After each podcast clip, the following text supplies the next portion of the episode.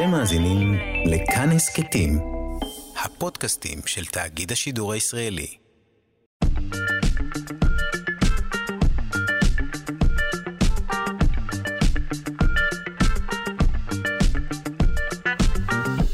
שלושה שיודעים. שלום, בוקר טוב לכם, מאזיני שלושה שיודעים כאן, בכאן תרבות 104.9 או 105.3 FM. גם הבוקר אנחנו מקווים uh, לפתוח לכם את היום עם uh, מחקרים חדשים, פיתוחים מדעיים וטכנולוגיים וכל מה שבאמת מעניין לדעת. על מה נדבר בשעה הראשונה? נדבר על, על חותם חרפושית שהתגלה במקרה במהלך uh, טיול שנתי, טיול כיתתי כלשהו. נדבר על מיזוג גלקסיות. נדבר על מה קדם למה, הצליל או האוזניים ששמעו אותו. וגם נסגור את השעה כהרגלנו עם פינת ההיסטוריה של הבלוז. אז אל תלכו לשום מקום. עורך אותנו רז חסון, המפיקות תמר בנימין וטל ניסן, על הביצוע הטכני אלון מקלר, אני שרון קנטור. אם אינכם יכולים להאזין כעת, נגבו את הדמעות. יש שידור חוזר uh, בשעה שמונה, וגם ניתן להאזין לנו כהסכת ביישומון של כאן, או בכל יישומון אחר. בואו נתחיל.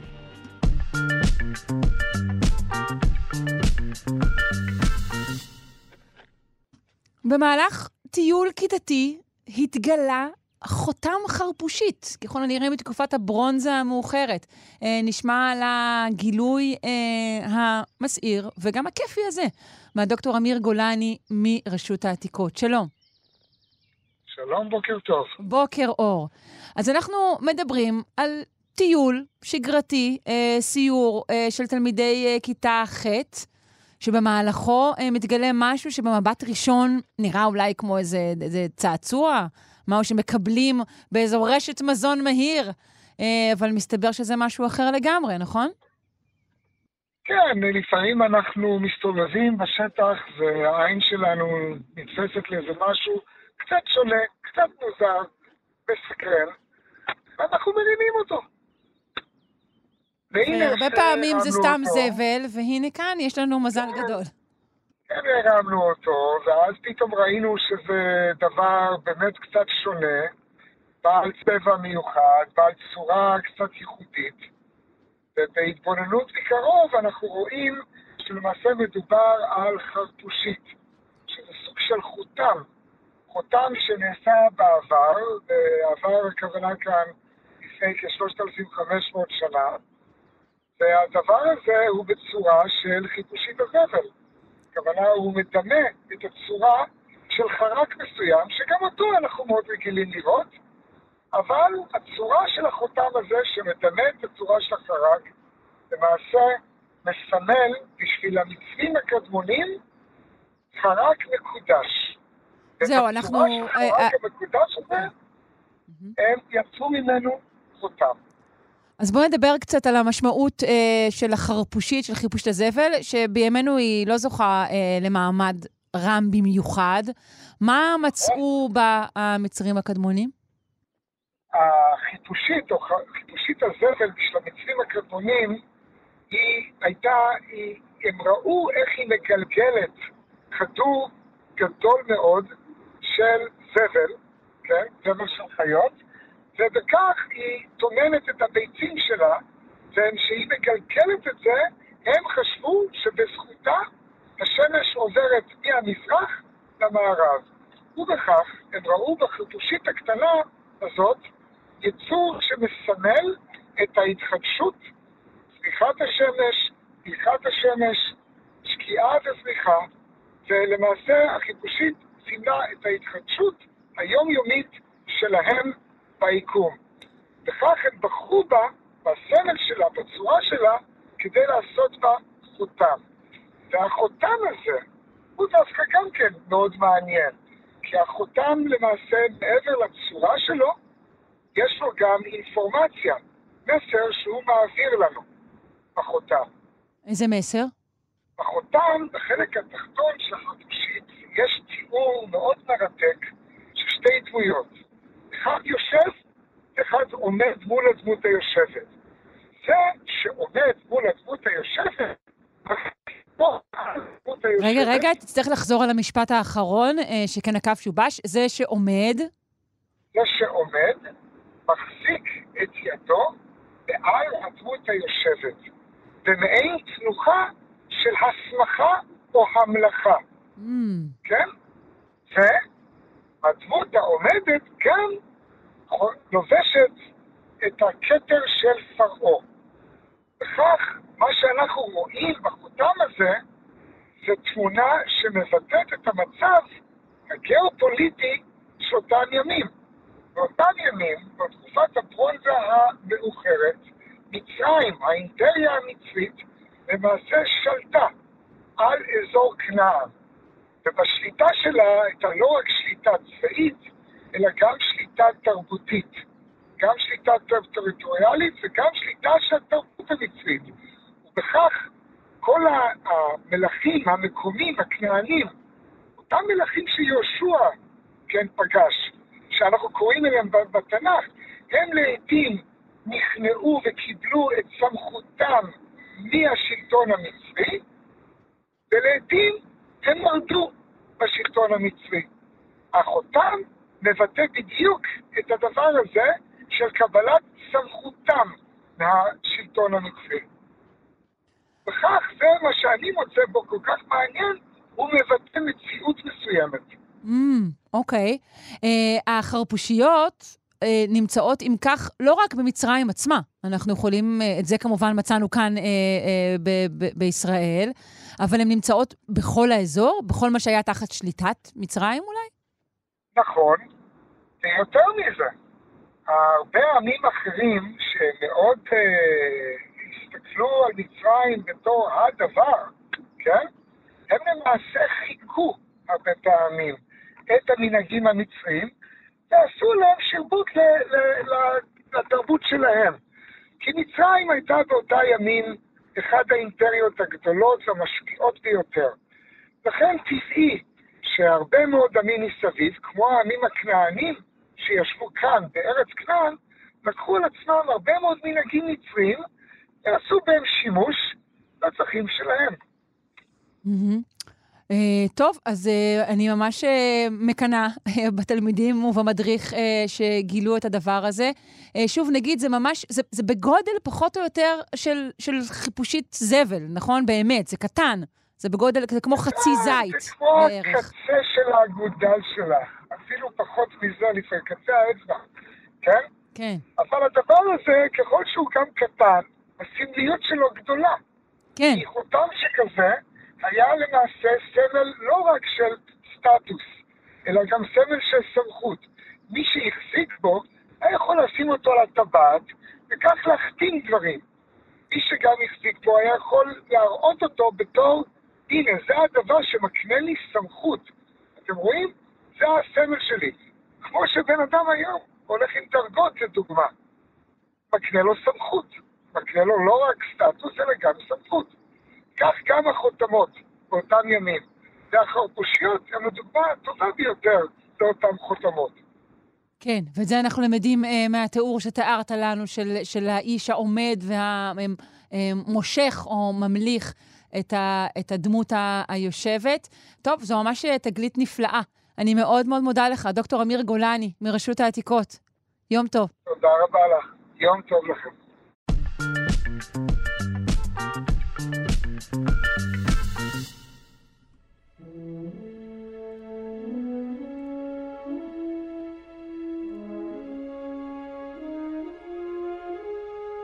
אנחנו עם uh, עוד הפתעה ששיגר לעברנו טלסקופ האבל, שהוא אמנם uh, ותיק, אבל עדיין נותן.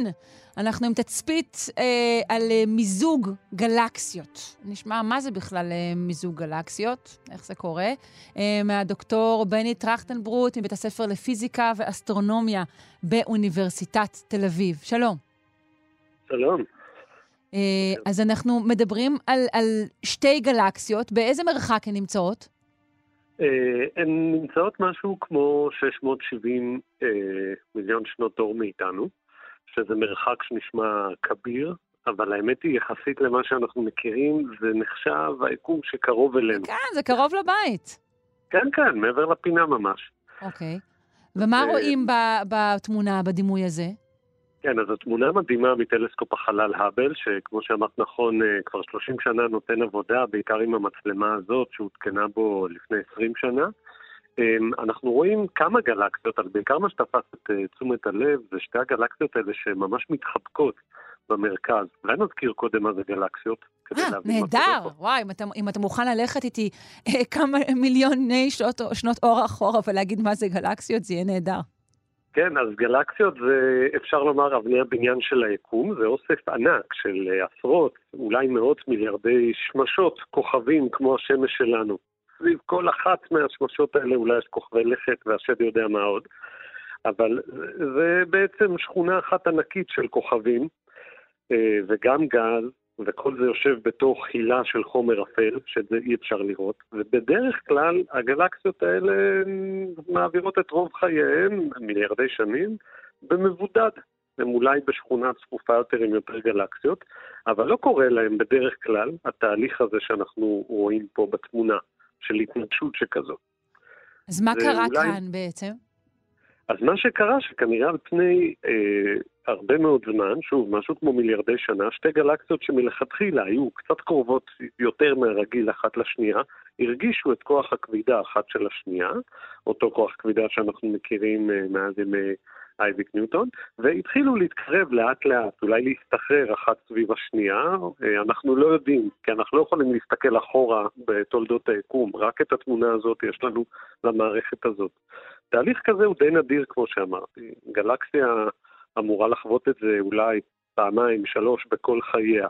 גם הגלקסיה שלנו, אגב, אולי עוד תחווה את זה בעתיד. מה, מיזוג עם גלקסיה אחרת? כן, עם גלקסיית אנדרומדה, שזו שכונה קרובה שלנו, אין מה לדאוג, זה ייקח עוד מיליארדי שנים. אה, אבל אנחנו בתהליך איטי, איטי, איטי של התקרבות אליה, אז זה עוד יקרה. ואז אולי נראה כמו בתמונה הזאת. כן, שקצת אה, נראית אולי כמו אה, חביתה עם שני חלמונים שנעשתה בלילה חשוך של רעב. הבנתי, כן, אז, אז זה באמת תלוי בשעה שמסתכלים על זה. בשעות קצת יותר אופטימיות אני ראיתי פה אולי כמו איזה זוג שרוקד ומתחבק ויש יד רחוקה יותר ויד קרובה. האמת היא, זה מאוד יפה מה כל אחד ואחת רואים. אתה לא, לא ספק יותר רומנטי ממני. אה, אה, כן, צריך, צריך, אחרת אחרת זה פשוט בלאגן של פיזיקה שבלתי נתפסת. שוב, יש לנו פה מאות מיליארדי שמשות שמצליחות לא להתנגש אחת בשנייה, ובעיקר כוח המשיכה מעוות את הגלקסיות, מעוות את המסלולים של השמשות, מעוות את הגז, בגלל זה יש לנו מין זרוע כזאת ארוכה שעושה טבעת. המרכזים של הגלקסיות זה מה שאת קראת לו אה, החלמונים של הדבר הנחמד הזה. שם כנראה רוב הכוכבים נמצאים. אה, זה מאוד מאוד צפוף, קשה אולי להבחין, וזה עוד לא הסוף. כלומר, לפי מיטב הבנתנו, אם, אם נריץ עכשיו את הסרט של היקום קדימה, אז בסוף תישאר מזה גלקסיה אחת גדולה ענקית, מין ערמה כזאת של, אה, כן, ביתה מקושקשת אם את רוצה. כלומר, המוקדים האלו יתאחדו. כן, המוקדים האלה יתאחדו, תהיה לנו גלקסיה גדולה יותר, עם מאגר גז גדול יותר, מה שעוד יפה בתהליכים האלה, שזה ממש ההזדמנויות צמיחה של הגלקסיות. אז כשהגז שדיברתי עליו, המסלול שלו מתעוות, זו הזדמנות נפלאה שהגז יקרוס, אה, ענני גז יקרסו וייצרו כוכבים חדשים. אז פתאום יש לנו פרץ, פרץ יצירת כוכבים חדשים, במקום לחשוב על זה כתהליך אה, הרסני, צריך לחשוב על זה גם כתהליך יצרני. בדיוק. כלומר, על פניו, מהידיעה הזו, אה, אה, אמרתי, אולי, אולי מדובר במשהו אלים, אבל אתה מתאר משהו הפוך לגמרי. נכון, אז, אז יש, פה קצת, יש פה קצת אלימות, כלומר, חייבים להגיד, דברים קורים יחסית מהר פה, תוך רק סך הכל עשרות מיליוני שנה, אולי מאות מיליוני שנה. זה משהו מאוד דרמטי בחיי הגלקסיה, ויש פה הזדמנות ליצור דברים חדשים, דור חדש של כוכבים, של שמשות. עוד משהו שיכול לקרות, שאני חוקר, אה, לפעמים אני אה, חושב על זה, אם, אם במרכז של המוקדים האלה יש חורים שחורים ענקיים, אולי גם הם יקבלו קצת גז ויוכלו גם קצת לגדול, לזלול מהגז הזה. אז יש פה הרפתקה גדולה שהגלקסיות האלה עוברות, וזה נדיר. מה שמביא אותנו גם ללמה זה צולם על ידי האבל. בדיוק. כי את אמרת, האבל נותן עבודה כבר הרבה זמן, אז מה חדש בזה? גלקסיות כאלה אנחנו מכירים, מכירים הרבה דוגמאות כאלה ביקום הקרוב והרחוק. אבל בגלל שזו תופעה נדירה, ודווקא בגלל שהאבל ותיק, עכשיו יש לנו הזדמנות פז למקד אותו דווקא בתופעות הנדירות האלה, כדי שנכיר כמה שיותר מקרים שכאלה. התמזגות כמו זו בדיוק שאנחנו רואים פה, יש רק פה. אולי יש פה משהו מיוחד. אולי הזרוע גז הזאת שאמרנו קודם, קיימת פה ולא במקומות אחרים. אולי כדאי לחקור את זה עם עוד טלסקופים. זהו, האם היכולות של ג'יימס ווב הן עולות על זו של האבל, לא? אז אני אוהב להגיד שהן משלימות. תמונה כמו שאנחנו רואים עכשיו מולנו, של זוג הגלקסיות האלה, ג'יימס ווב לא יוכל לספק לנו. מהסיבה הפשוטה שטלסקופ חלל על שם ג'יימס ווב צופה באורכי גל ארוכים יותר, או נגיד באינפרה אדום, בתחום שהעין האנושית לא רואה. טלסקופ החלל האבל, כל עוד הוא עובד, והרבה אנשים חכמים ומוכשרים עובדים על זה שימשיך לעבוד, הוא רואה בתחום הנראה כמו העין האנושית ואפילו באולטרה סגול, ב-UV. זה חשוב מאוד לתהליכים שציינתי, כי למשל כוכבים צעירים שייווצרו בתהליך שכזה פולטים בעיקר בתחום הזה של ה-UV, של האולטרה סגול, מה שג'יימס ווב בחיים לא יוכל לראות. אז יש לנו סינרגיה, סינרגיה בין מכשירים, ואנחנו צריכים כמה שיותר טלסקופים שיסתכלו על כמה שיותר מערכות כדי להבין אותן מקצה לקצה. דוקטור בני טרכטנברוט, מבית הספר לפיזיקה ואסטרונומיה באוניברסיטת תל אביב, תודה רבה. תודה רבה. יום טוב, טוב, ביי. כלים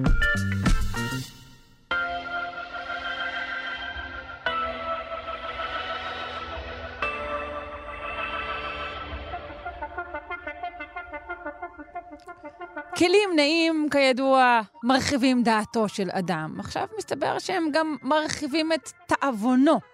אה, מחקרים קודמים הוכיחו שריח ומרקם של אוכל אה, יכולים להשפיע על הטעם שלו עבור אה, מה שנקרא אכלנים בררנים. טוב, זה די הגיוני שהריח והמרקם ישפיעו.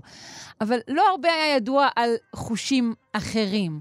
עכשיו אנחנו עם ניסוי שמדבר על הצלחות עצמן ועל ההשפעה שלהן על אכילה של אכלנים בררנים.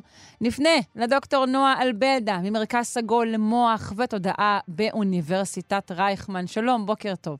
בוקר טוב. היי. אה, מה נעשה בניסוי שלפנינו? אה, אז הניסוי בעצם רצה לבדוק את מה שתיארת, האם הכלים שבהם מונח האוכל ישפיעו במשהו על המאפיינים שונים של הטעם שלו, וספציפית המחקר הזה התמקד לא באוכלוסייה הכללית, אלא רצו לבדוק את ההשפעות על מה שנקרא אכלנים בררנים, או באנגלית קיקי uh, איטרס. או בעברית ילדים. Uh, זהו, אז המחקר הזה דווקא נערך באנשים בוגרים, כי הם אמרו שבאמת רוב המחקרים בנושא של בררנות באוכל נעשים על ילדים. אה, ועל מבוגרים שהם בררנים באוכל כמעט ואין מחקר, אז הנבדקים פה היו כולם, נבדקים ונבדקות, היו כולם מעל אה, גיל 18. אבל מה זאת אומרת אה, בררנים באוכל? מה ההבדל בין זה לבין סתם, לא יודע, לא בטעם שלי, אני לא אוהב, שום עושה לי ככה, בצל עושה לי ככה? אז בררנות באוכל זה בעצם איזשהו מצב קיצוני של מה שאת מתארת, והם כותבים שם שבעצם... אה, נעשו על זה מחקרים והראו שאנשים שהם מאוד מאוד בררנים באוכל, אוכלים פחות או יותר 20 סוגי מזון שונים ולא מעבר לזה. זאת אומרת, זה אנשים שבאמת באופן קיצוני, קודם כל מאוד מאוד קשה להם עם מזונות חדשים, הם יעדיפו תמיד את האוכל המוכר שהם כבר רגילים לו. אה, ויש מגוון מאוד מאוד מצומצם של מאכלים שהם מוכנים לאכול, והמון המון המון מאכלים שהם לא מוכנים אה, להכניס לפה. עכשיו, הדבר הזה יוצר בעיות, גם מבחינה תזונתית, כי זה אומר שהרבה פעמים התזונה שלהם היא מאוד מאוד לא מגוונת, ואז יכולה להיות גם לא מאוזנת. Mm-hmm. וזה גם פעמים יוצר בעיות חברתיות, כי מופעל עליהם הרבה לחץ, ואת יודעת למה הם לא יכולים ללכת עם החבר'ה לא שלהם לכל מיני מקומות, פתחו מקום חדש, בוא נלך. לא, זה לא האנשים האלה. בדיוק. אמ, אז פה דווקא התמקדו באמת באוכלוסייה של אה, אנשים בוגרים. רגע, יש. לי עוד שאלה לגביהם. האם זה בא עם עוד אה, דברים, עם איזושהי רגישות חושית אחרת, או שזה משהו כזה שהוא ספציפי רק לאוכל? זהו, אז, אז, אז אה, פה מדובר לאנשים שהם ספציפית, העניין הזה הוא לגבי מזון, למרות שהשאלה שלך היא שאלה טובה, כי אנחנו יודעים שלמשל, שוב פעם, בקרב ילדים, הרבה פעמים בררנות במזון זה משהו שיושב למשל על רגישות חושית. בדיוק, שהיא... על ויסות חושי למיניהו, מה שנקרא. נכון, ואז נגיד אם אתה אוכל קוטג' שיש בה גושים, ואתה קצת לא מבוסת מבחינה חושית, וזה נורא נורא לא נעים לך על הלשון, אז אתה, תסרב לאכול את זה. אמ, אבל פה הם לא בדקו את זה, הם בדקו ממש רק את הנושא הזה של הבררנות, זאת אומרת, הם לא שאלו מה המקור של, ה, של הבררנות. ואם יש עוד רקע. בסדר גמור, עכשיו בוא ניגש למחקר עצמו. מה, מה בדקו ואיך? אז, אז מה שהם בעצם עשו, כמו שאמרתי, הם גייסו בערך 50 נבדקים ונבדקות, חילקו אותם לקבוצה, נתנו להם איזשהו שאלון שבודק בררנות במזון, ואז הייתה להם קבוצה של אנשים שהם בררנים וקבוצה של אנשים שהם לא בררנים, ונתנו להם לאכול אה, חטיפי תפוחי אדמה, מה שנקרא בארץ אה, טאפו צ'יפס, אבל זה אה. לא טאפו צ'יפס, זה, okay. זה אוקיי. מותג אחר. מבריטניה, לא משנה. והם בעצם טעמו את אותו חטיף תפוח אדמה שלוש פעמים, כל פעם שהוא יושב בקערה בצבע אחר, הייתה רגע, זה משהו לבנה. שבאופן עקרוני הם מוכנים לאכול. כן, כן, זה okay. אוקיי. חטיף שהם מכירים, זה כזה טאפו צ'יפס בטעם של בצל וחומץ, משהו כזה. טעים, טעמתי את זה, זה נחמד. אוקיי. אמ, אז באמת משהו שהם מוכנים לאכול, גם חטיף שהם מכירים, לא, לא איזה משהו חדש כמובן. אה, ונתנו להם את זה שלוש פעמים, פעם אחת בקערה לבנה, פעם אחת בקערה כחולה, פעם אחת בקערה אדומה. בין לבין כמובן הם שטפו טוב טוב את הפה, והם היו צריכים בעצם אה, לדרג את המזון על שלושה מאפיינים. המאפיין הראשון, עד כמה זה מלוח, המאפיין השני, עד כמה הטעם הוא אינטנסיבי, והמאפיין השלישי, עד כמה זה טעים לי. רגע, לכאורה כן. נאמר להם שזה צ'יפס אחר, ובפועל זה היה אותו דבר? לא, אני חושבת שהם ידעו שזה אותו דבר. Mm, אוקיי. Mm, okay. הם, הם רק היו צריכים לתת באמת את הדירוג הסובייקטיבי של המאפיינים okay. אוקיי. האלה. Okay. אוקיי. ומה שהראו זה שבעצם בקבוצה של האכלנים הלא בררנים לא היו הבדלים. זאת אומרת, לא, לא משנה אם זה בא לך בקערה בצבע כזה או אחר, אין הבדל בין, ה... או, בין המאפיינים. או, בואי נגיד, אם זה בא בלי קערה בכלל וישר מהשקית, שזה האופן שבו אנחנו נוטים להגיש גם, מזון גם הזה. טוב. אוקיי. גם טוב. ובקבוצה של האכלנים הבררנים היה הבדל כאשר החטיפים נחוו כמלוכים יותר כשהם היו בקערה הכחולה, וטעימים פחות כשהם היו בקערה האדומה. והלבנה, כדרכו של לבן, אה, שמרה על ניטרליות? הלבנה הייתה איזשהו באמצע, מין סוג של, אה, מין סוג של אה, ניטרלי. Hmm. אמ, האם ניסו גם סוג אחר של אוכל? כלומר, אני מנסה להבין האם מדובר באיזה קונטרדיקציה בין הגוון, נגיד, של, ה, של הצ'יפס הזה לצבע של הצלחת, או שזה משהו שהוא עקרוני, שתמיד אדום ייתפס כך וכחול ייתפס כך? זהו, אז במקרה הזה הם בדקו רק את החטיפי צ'יפס האלה, אבל הם כן נותנים איזה שהם שני הסברים, שכל אחד מהם יכול להיות הגיוני. והם אומרים שלגבי הצבע האדום, קודם כל לגבי, לגבי המליחות, למה כשזה קרה בצבע אדום זה נחווה כפחות מלוח? כי הם אומרים שהרבה פעמים אצלנו יש קישור בין אדום למתוק. אם תחשבי למשל על פירות, אז הרבה פעמים פירות mm. מתוקים הם אדומים, כן? תוצדה, דובדבנים, תפוחי עץ, ככל שהפרי הוא יותר אדום הוא יותר מתוק. ואז יש איזה מין באמת סוג של סתירה, כי המוח שלך אומר לך, אדום זה קשור לי למתוק, ופתאום אני לוקח ביס וזה משהו שהוא סופר מלוח, ואז כאילו הסתירה הזאת בעצם גורמת לזה להיתפס כפחות מלוח. או תיאוריה שנייה שלהם זה שאדום אצלנו הרבה פעמים מקושר ל...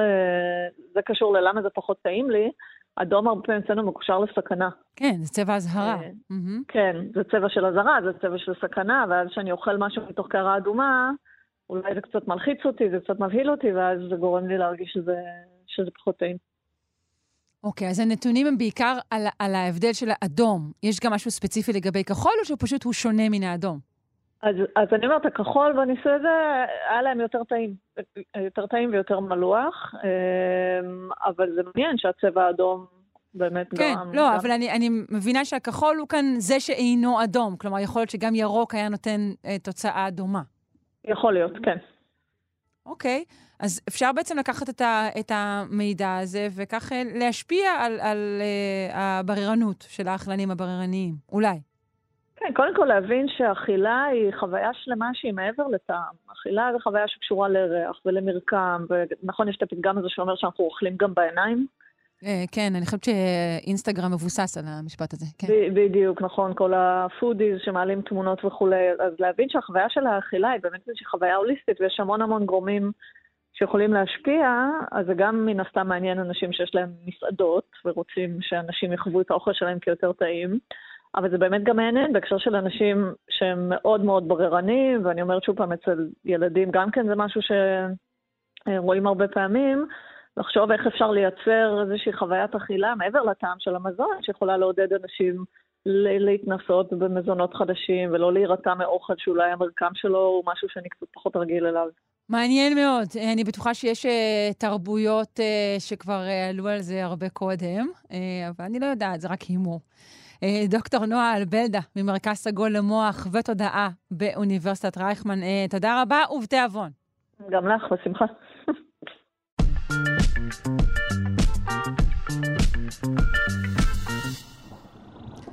מה קדם? הביצה או התרנגולת? הצליל או האוזניים שישמעו אותו? ייתכן, שימו לב, שבעלי חיים התחילו להשמיע קול לפני שלמישהו בכלל היו אוזניים לשמוע אותם. אנחנו עם מחקר שמתחכה אחר מקורותיה של תקשורת אקוסטית אה, במשך למעלה מ-400 מיליון שנים. נפנה לוורד שפירא, ביולוגית למכון דוידסון, הזרוע החינוכית של מכון ויצמן למדע. שלום. שלום, שלום. אז מה קדם? אז קודם כל הביצה. הביצה, אוקיי, תודה רבה. הביצה. כן, אבל חוץ מזה, אם אנחנו מדברים על uh, מה היה קודם, קודם השמיעו צלילים או קודם שמעו צלילים? Mm-hmm. זו שאלה מאוד מאוד מעניינת. חוש השמיעה הוא מאוד משמעותי לנו. זה קצת כמו חוש הראייה, אנחנו, אנחנו מקבלים מידע מהסביבה, אבל לא דרך אה, אה, אה, אה, קרינה אלקטרומגנטית שהיא גלי אור בעצם, אלא דרך אה, צלילים. הרדיו שלנו כאן מבוסס על העניין הזה ממש. נכון. וזה נותן לנו מידע, זה יכול להיות מה קרה היום כשאני שומעת דרך רדיו, וזה גם יכול להיות דלת שנפתחת או גשם שיורד, זה נותן לי מידע, ואם אני בעל חיים שחי בסביבה, זה חשוב להישרדות שלי לדעת איפה אני חי, ומה הסכנות שאורבות לי, ואיפה המזון שלי קורקינט ממונה שמזדחל מאחוריי? בדיוק. והחיים הראשונים מתפתחים במים. והצלילים במים הם מאוד מאוד שונים ממה שאנחנו מכירים על פני היבשה, בגלל התווך. התווך במים הוא מים, הוא נוזלי, והתווך ביבשה הוא אוויר, וצלילים מתנהגים אחרת כשאנחנו מדברים על, על מים ועל אוויר, אם זה במהירות הקול, שבמים היא הרבה יותר גבוהה, ועם היכולת לייצר צלילים, כי יצורים באוויר, אנחנו מדברים על ידי זה שאנחנו, אנחנו קוראים לזה מייצרים הפרעה. אנחנו דוחסים את האוויר, אנחנו יוצרים איזה שהם לחצים מקומיים, ואנחנו יוצרים צלילים ששומעים אותם דרך האוזניים שלנו. במים אי אפשר לעשות את זה כי מים הם תווך שהוא לא דחיס. ולכן כל הצלילים שמושמעים במים הם צלילים של נקישות או של חיכוך. הם אה, דגים לא מדברים, זה משהו שכולם יודעים, לא מסוגלים לדבר כמונו, כי, כי אי אפשר לעשות עם מים מה שאתה עושה עם אוויר. עכשיו, יצורים במים, יוצאים ליבשה לפני כ-400 מיליון שנה, מתחילים לצאת אל היבשה, וברגע שנמצאים ביבשה, התווך משתנה, הסביבה משתנה, ופתאום עם האוויר הזה אפשר לעשות דברים אחרים לגמרי. והיצורים הראשונים שנמצאים על היבשה וככה משתמשים בדבר הזה, ביכולת החדשה הזאת, הם משמיעים בהתחלה עם חרקים, פרוקי רגליים, משמיעים צלילים דרך, אה, שוב, חיכוך כמו דבורים, שיש חיכוך עם האוויר ואנחנו שומעים זמזום, או ציקדות או צרצרים, שבאמת כולם משתמשים באיזה שהם נקישות וכלי הקשה וחיכוך וצלילים שהם ככה מאוד מאוד בסיסיים. והיצורים הראשונים שמתפתחת אצלם היכולת לנשימה על ידי ריאות, פתאום מסוגלים לעשות משהו שאף אחד אחר לא יכול היה לעשות קודם, הם מסוגלים לדחוס בעצמם ולייצר הפרעות באוויר, ולייצר צלילים על ידי uh, כלי נגינה שהם יותר uh, כלי נשיפה. הם מסוגלים לקחת את האוויר ולשחרר אותו בצורה מבוקרת ולייצר צלילים שכבר יש בהם איזושהי תקשורת ווקאלית שהיא שונה, היא עושה משהו אחר. Mm-hmm. אבל עד עכשיו סקרת את, את הפקת הסאונד, מה לגבי יפה. הקליטה שלו? או, אז גם שמיעה במים היא שונה מאשר שמיעה ביבשה. אז זה לא שדגים לא שומעים, לדגים יש אוזניים, הן פשוט נמצאות בתוך הגוף, אין להם אפרכסות אוזניים חיצוניות, אבל יש להם אוזניים בתוך הגוף, ולמעשה רוב הגוף שלהם משמש. אמ, כאור תוף שקולט את הצלילים. כי יש לי מים בחוץ, והגוף עשוי ברובו ממים, ויש לי, אני לא צריכה משהו שיאסוף את עצמי לתוך איזשהו קונוס שהוא אפרכסת, שירעיד את אור התוף, אלא כל הגוף שלי אוסף את הצלילים. אז הם שומעים בצורה מסוימת, אבל כשהם יוצאים, מתחילים לצאת אל היבשה, הם למעשה לא מותאמים לשמיעה ביבשה, והיצורים הראשונים שיוצאים אל היבשה הם למעשה, יש להם אוזניים אבל הם חרשים, כי הם לא מותאמים לתווך שבו הם נמצאים. ובאמת השאלה במשך המון המון שנים, מי היו היצורים הראשונים שהשתמשו בתקשורת שהיא תקשורת ווקאלית, שהפיקו צלילים כדי שבאמת מישהו אחר ישמע אותם ואפשר יהיה לפתח איזשהו סוג של תקשורת, ומה התפתח קודם? על היבשה, יכולת השמיעה או יכולת הדיבור, והאם הדבר הזה קרה במקביל, ו, ובמשך הרבה מאוד שנים היה נורא נורא ברור שקודם כל הייתה שמיעה. כי עשו כל מיני סקירות ספרותיות ובדקו את הממצאים ומה אנחנו יודעים, והיה ברור שיכולת השמיעה התפתחה כמה וכמה פעמים, סליחה, שיכולת הדיבור התפתחה כמה וכמה פעמים לפני כ-100 עד 200 מיליוני שנים, ושלמעשה קודם כל שמעו ורק אחר כך השתמשו ביכולת הזאת כדי לייצר תקשורת. ואותם mm-hmm. קבוצות, קבוצות חוקרים שאנחנו מדברים עליה היום, הם החליטו שיש כאן איזושהי בעיה בקונספט הזה, כי למעשה אם אנחנו מסתכלים על יצורים שהם מאוד מאוד עתיקים אבולוציונית, כמו צבים למשל, או זוחלים או דגי ריאות, ואנחנו מסתכלים על הדרך שבה הם מפיקים צלילים היום, זה נראה כמו משהו שהוא הרבה יותר עתיק. והם הלכו וסקרו צלילים שמפיקים מינים שונים של צבים, ומינים של כל מיני יצורים שהם עתיקים יותר, כמו הטואטרה הניו זילנדית, וכמו אה, דו-חיים שונים שיש להם ככה מקורות מאוד מאוד עתיקים מבחינה אבולוציונית, והם הקליטו אותם, והם רצו לראות אם יש גיוון ביכולת הפקת הצלילים שלהם, ואם יש שם בעצם איזושהי שפה.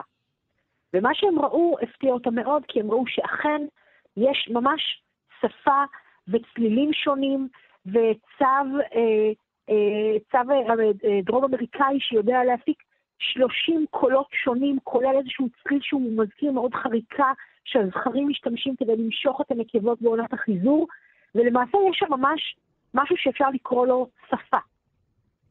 וכשהם מסתכלים על העץ האבולוציוני האקוסטי החדש הזה שהם בונים, שמורכב מ-1,800 מינים שונים של בעלי חיים, הם הגיעו למסקנה שיכולת הפקת הצלילים התחילה לפני כ-400 מיליוני שנה, כלומר הגיעה ממש עם היציאה אה, אל היבשה של היצורים הראשונים שיוצאים כמו דגי ריאות, ולמעשה היכולת של הפקת הצלילים מקורה באב קדמון משותף לנו ולדגי הריאות האלה, והגיעה הרבה יותר מוקדם והתפתחה רק פעם אחת. Mm, אוקיי. כן. התפתחה רק עכשיו, פעם אחת, זאת הנקודה או, פה, אוקיי. עכשיו יש כאן עוד נקודה. כי אמרנו שהיצורים הראשונים שיוצאים ליבשה הם למעשה חרשים כי הם לא מותאמים. עכשיו, מה שהם אומרים במחקר שלהם זה שיכול להיות שהיצורים הראשונים אכן משמיעים קולות, ואכן עושים משהו שהוא דומה לתקשורת, אבל בכלל לא בטוח שהייתה יכולת לשמוע את הצלילים האלה. כלומר, יכול להיות שהיצורים הראשונים שמשתמשים בתקשורת ווקאלית, אם אפשר לקרוא לזה תקשורת, מפיקים צלילים שונים ומגוונים, יכול להיות שעדיין אף אחד עוד לא שומע אותם. אבל זה לא קצת שאלה של הגדרה גם מהי שמיעה? כלומר, האם תחושה של תנודה של ויברציות היא שמיעה, לצורך העניין? שאלה מצוינת.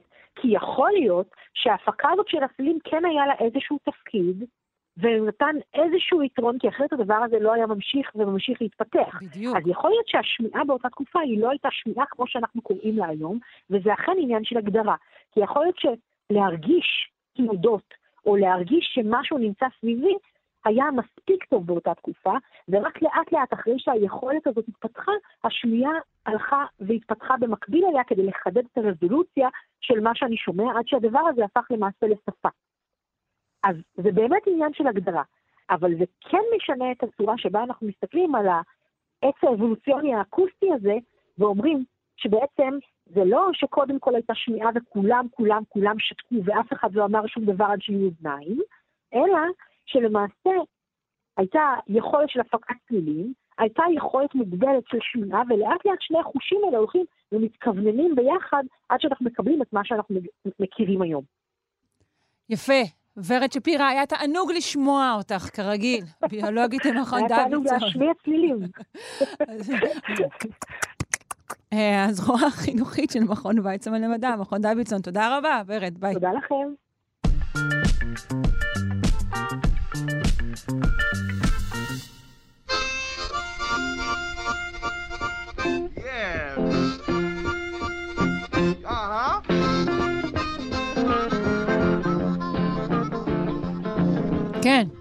זהו כמובן האות של הפינה, ההיסטוריה של הבלוז, אה, שהולכת ומרקדת אל אה, סיומה.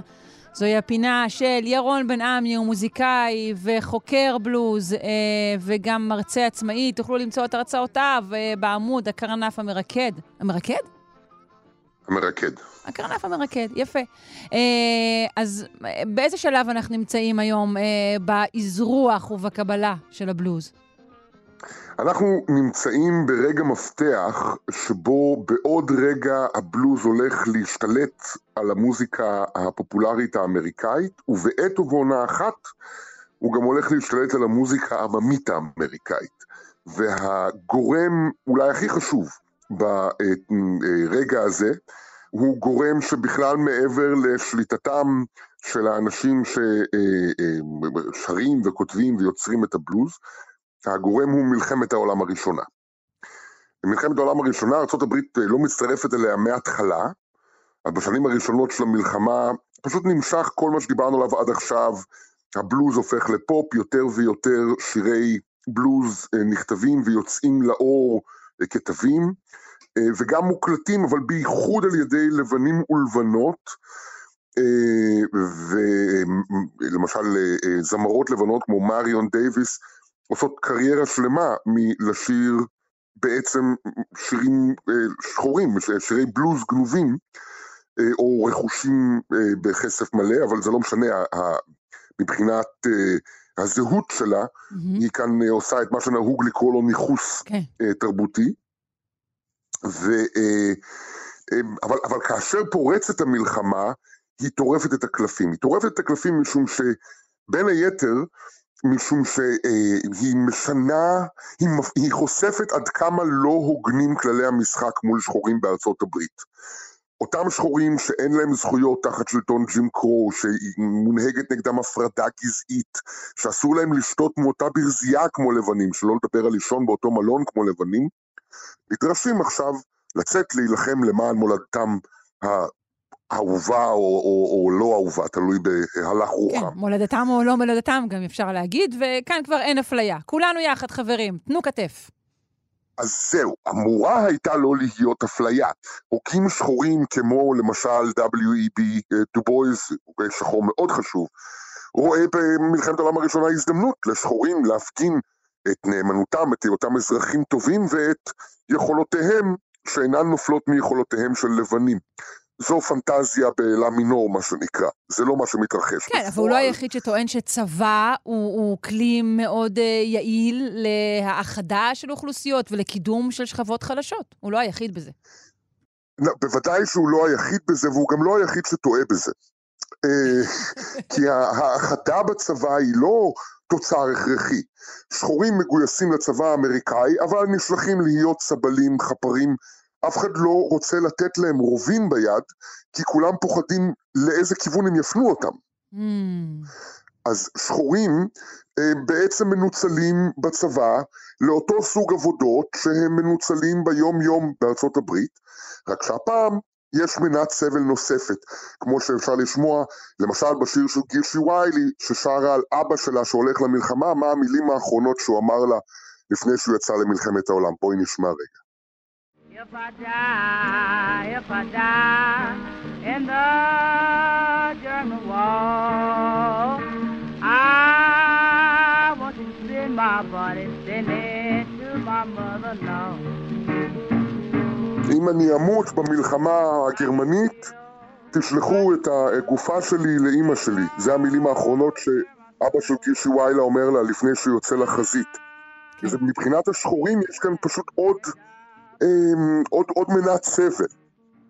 בעוד זה מתרחש, אה, ובעוד אמריקה נכנסת למלחמה, 1916 וכן הלאה, הולך ומבעבע הסגנון שנוצר בניו אורלינס שדיברנו עליו, שעוד רגע יזכה לכינוי הכללי ג'אז או ג'אס, או כי היו כמה דרכים להגות את זה, אה, וב-1917 יוצא לאור מה שבהסכמה כללית הוא הקלטת הג'אז הראשונה בהיסטוריה אה, של ה-Original אה, אה, Dixieland Jazz Band, אבל שימי לב מהו השיר שהם מקליטים. השיר נקרא Livery Stable Blues. ההנחה mm. הבסיסית של הג'אז כאשר הוא פורץ, וזהו להיט הג'אז הראשון, זה שהוא בעצם ענף של הבלוז. אנחנו יכולים לשמוע רגע את הקלטת הג'אז הראשונה.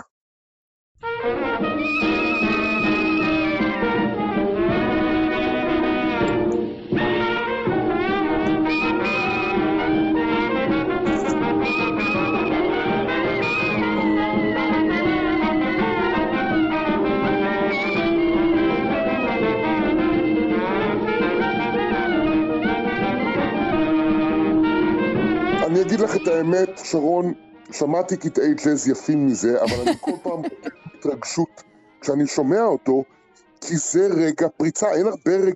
דברים בהיסטוריה שאנחנו יכולים לשים את האצבע על רגע הפריצה שלהם. להגיד כאן, כאן זה קרה. אבל כמה, עד כמה הדיקסילנד ג'אז הזה, כמה, כמה הוא מציית לחוקים, שכן כן שמנו לנו כמה, בוא נגיד לא חוקים, אלא תווי היכר של בלוז מבחינת המבנה? תראי, יש בו בלו נוטס, הוא, המבנה שלו הוא, אה, רג, הוא של רגטיים בלוז כזה, כמו שיכולת לשמוע. כן. אה, זה לא הבלוז העמוק של אנחנו מכירים מ... את יודעת, אה, מקומות אחרים. Mm-hmm. הוא גם נעשה, זה, ההרכב הזה הוא הרכב לבן, צריך לזכור. אומנם לבנים מניו אורלינס, כלומר הם, הם ניגנו לצד שחורים בניו אורלינס, אבל לא כשהם מקליטים. והם ממשיכים את הבלוז, את הרגטיים בלוז המאוד עירוני, המאוד אה, אה, משקף את התרבות החדשה, גם המהירות הזאת והאטרף הזה שהם מנגנים, זה מתחבר את, עם, עם הסערה של להיות במלחמת עולם, עם ההתפתחויות הטכנולוגיות, הם מסמנים ככה את העתיד העירוני והמאה האמריקאית, מה שנקרא. Mm-hmm. במקביל, כל אותם שחורים שמגויסים לצבא, פוגשים זה את זה. האנשים ששמעו אה, וניגנו את המוזיקה של דרום קרוליינה, פתאום שומעים ולומדים לנגן מוזיקה של טנסי, או של מיסיסיפי, וכן הלאה וכן הלאה. וכאן כן נוצר תהליך ההאחדה הצבאי שדיברת עליו. אוקיי. התהליך של... מכיוון אחר. התהליך של... התהליך של מיזוג תרבותי פנימי בתוך השחורים, והבלוז הופך להיות השפה המשותפת, המוסכמת, המוזיקלית של החיילים השחורים. אפילו, זה כל כך בולט שאפילו יש קצינים לבנים ששמו לב לזה, לפחות אחד מהם כתב על זה ספר. עד כמה הבלוז הופך להיות אה, השפה הכללית של החיילים השחורים. וזה אה, רגע מאוד חשוב, משום שבעצם, אם תשימי לב, מקופלים בו שני אה, נושאים. הנושא האחד, אם את זוכרת, אני אה, הבעתי כאן את אה, דעתי, את, אה, למיטב הבנתי, אחרי כל מה שלמדתי על הבלוז, שהבלוז הוא מוזיקה שהומצאה על ידי נשים. נכון. נשים עירוניות אפילו, כן. נשים עירוניות, או לפחות נשים שעברו מן הכפר אל העיר. Mm-hmm. זהו הרגע שבו יש הטיה של הכף, והבלוז עובר מנשים של העיר לגברים של הכפר. משום שאלה הם החיילים שגויסו. והבלוז הופך להיות השפה המשותפת שלהם. והיום הבלוז הוא זירה גברית uh, כמעט לגמרי. נכון. למרבה צערי, אני חייב לומר, בכל הזדמנות אני אומר, למרבה צערי. Uh, הדבר השני שקורה כאן זה שהבלוז מלהיות מוזיקת פופ הופך להיות מוזיקת פולק. זאת אומרת, הוא הופך להיות המוזיקה שהחבר'ה שרים מסביב למדורה, שזאת ההגדרה הכי בסיסית של מוזיקת פולק. על מה הם שרים? על החוויות שלהם. הנה למשל ג'ון בריי, שהיה בחור חייל שחור במלחמת העולם הראשונה, זו ההקלטה הזאת היא לא מתקופת המלחמה אלא מאחר כך, אבל הוא שר על חוויותיו במלחמה.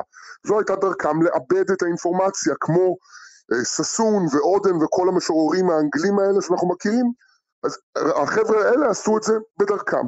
אז בואי נשמע את ג'ון בריי. Across the deep blue sea, lads, we're in with those submarines. We're in with those submarines. Hey, hey, hey, hey. My home in the trenches זו ממש רשימת חוויות, הוא מספר איך הוא נוסע בים והוא נזהר מצוללות, הוא מספר איך הבית שלו הוא החפירה, התעלות, החפירות האלה של מלחמת העולם הראשונה, אחר כך הוא מספר איך הם מגיעים לבלגיה, איך הם מגיעים לברלין, זה פשוט יומן חוויותיו, וצריך להגיד לזכותו, על פני אנשים כמו אודן או ששון או כל מיני כאלה, שהוא לא מטריח אותנו בצחצוחי לשון על דקויות רגשותיו, הוא פשוט מספר לנו מה קורה. וזה הופך להיות אה, גורם מפתח בבלוז מכאן והלאה. מה, אז, אז הישירות לא... הזו? הישירות הזו. שירי פופ אינם עסוקים בלספר לך את האמת, זה לא הנושא שלהם.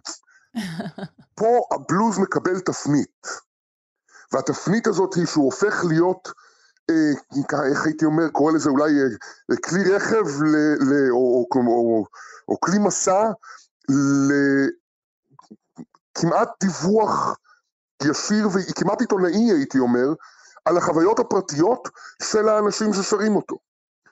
זה אה, מהפך אדיר בכלל בפואטיקה.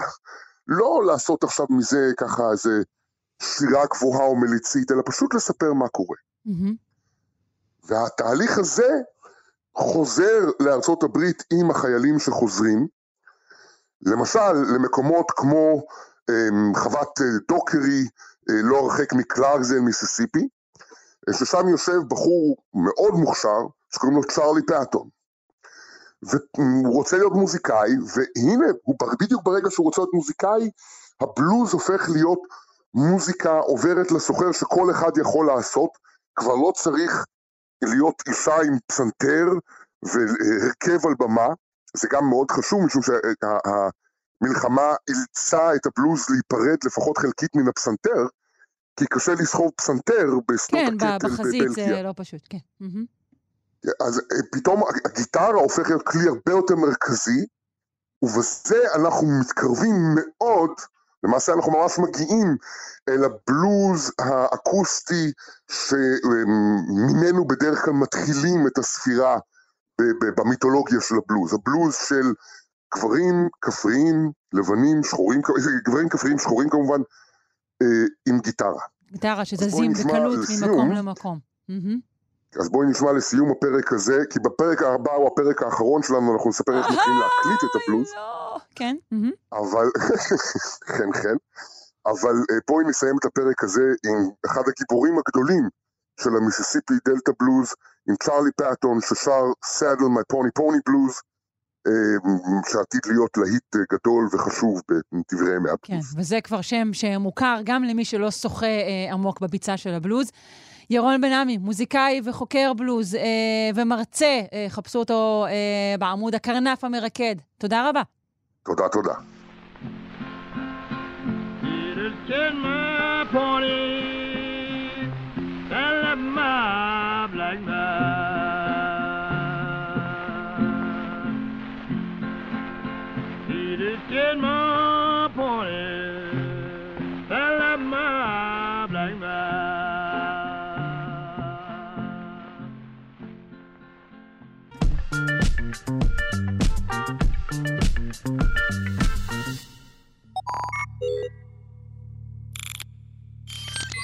כמו כומר שרלטן בטלוויזיה האמריקאית, הכריז השבוע אה, אילון מאסק, עיוורים יראו, נכים ילכו. אה, אבל אה, זה לא יקרה בעזרת ישו, אלא בעזרת שבבים במוח. בעצם חיבור אדם-מחשב, חיבור סייבורגי של אדם-מכונה, והוא הבטיח שזה יקרה תוך חצי שנה. אה, זו כמובן חגיגה לחובבי הקונספירציות. אה, הנה הצ'יפים האלה, הם הגיעו.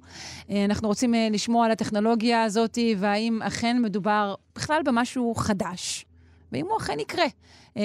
נפנה לפרופסור אמיר עמדי, מייסד וראש מכון איפצ'ר לטכ... למוח, קוגניציה וטכנולוגיה באוניברסיטת רייכמן. הוא מדען ראשי ומייסד שותף בחברת רמפי? איך זה נקרא? רמפי. רמפי. שילוב של כמו רמדי ו... אוקיי. תרפי. שילוב של רמדי ותרפי. אה, שם טוב, רמפי, אוקיי. אה, אז מה אתה אומר על ההכרזה הזאת? כי אנחנו רגילים, מדובר באדם שמכריז הרבה דברים. כן, תראי, צריך uh, להפריד בין הפוטנציאל לבין כמה קשה יהיה לממש אותו, אוקיי?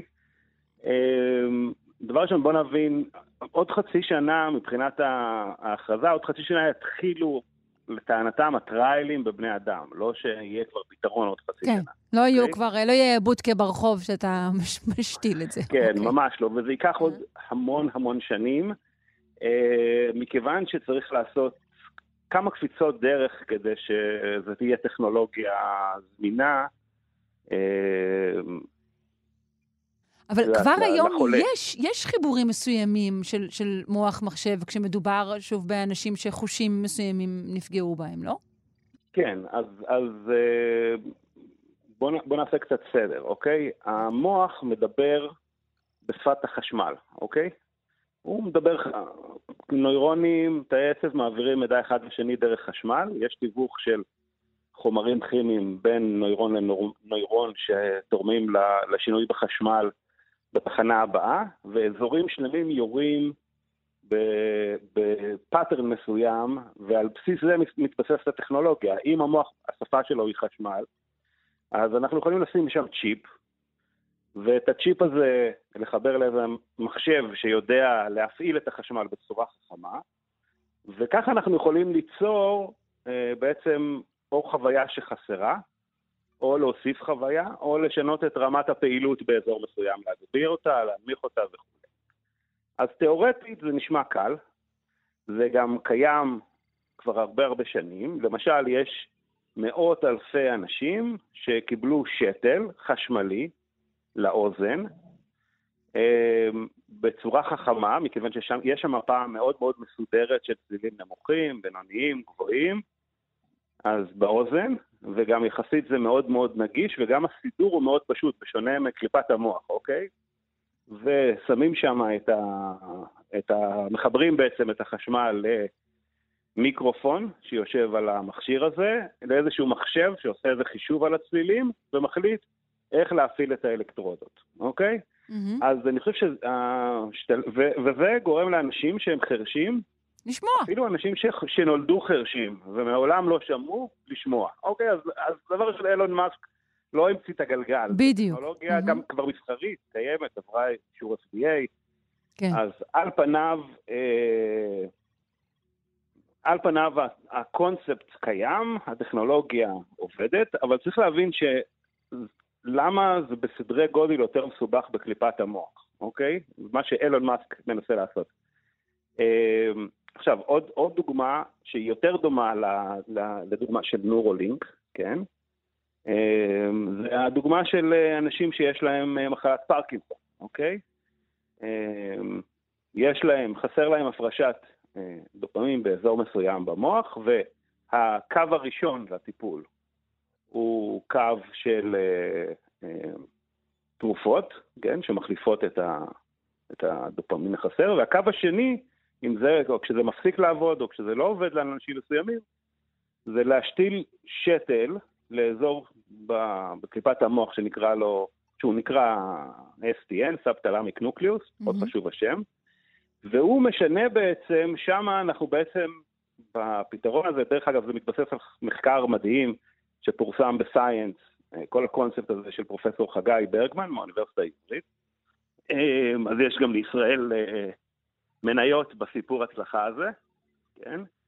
אה, ואנחנו פשוט משנים את רמת הפעילות ולוקחים מצב שבו יש יותר מדי אינהיביציה, המוח לא, מצ... לא מצליח לייצר תנועה מוטורית, במקרה של פרקינסון הרעידות זה רק איזו תופעת לוואי צידית, אה, לא מצליח לייצר תנועה בגלל אינהיביציית יתר, יותר מדי דיכוי של הנוירונים שמייצרים תנועה, והצ'יפ הזה בעצם משנה את המאזן של אינהיביציה אקסיטציה על ידי זה שהוא מעלה פעילות, או משנה פעילות אה, באזור מסוים, את רמת הפעילות הגלובלית, אוקיי? וזה אה, כבר יותר, יותר פולשני או חודרני, בדומה לטכנולוגיה שמדברים עליה נכון, כעת? והיא קיימת, מאושרת FDA, מבצעים את הניתוחים האלה בחוץ לארץ, בארץ, אה, אה, בבתי חולים שונות, אז, אז זה קיים, אוקיי? אז למה, למה אילון מאסק עושה כל כך הרבה רעש עם נו- טוב, נורולינק, זאת אה, אוקיי? אחת השאלות הגדולות, כן. אוקיי, מכמה סיבות. א', אה, זה אילון מאסק, אוקיי? הוא פשוט עושה הרבה רעש. כן, ת- תשמעי, לא רק רעש, הבן אדם בכל זאת, יש לו קרדיביליטי לגמרי. בזה שהוא הצליח לקדם אה, כל מיני תחומים, כן? אה, שהוא בוחר את התחומים החמים ביותר. אה, והוא תמיד גם יש לו הצהרות מאוד פומפוזיות למה הוא עושה את זה לטובת האנושות, כן? אנחנו, למשל, במקרה של הספייס, SpaceX, אז הוא אמר, אוקיי, אנחנו צריכים לדאוג לתוכנית גיבוי לכדור הארץ, אוקיי? ולכן אני מייצר את כל הטילים וזה. הוא לא אמר בעצם שאני מתכוון להיות ספק של נאס"א לטילים, כן? שזה רוב ה business שלו כרגע, כן? כן.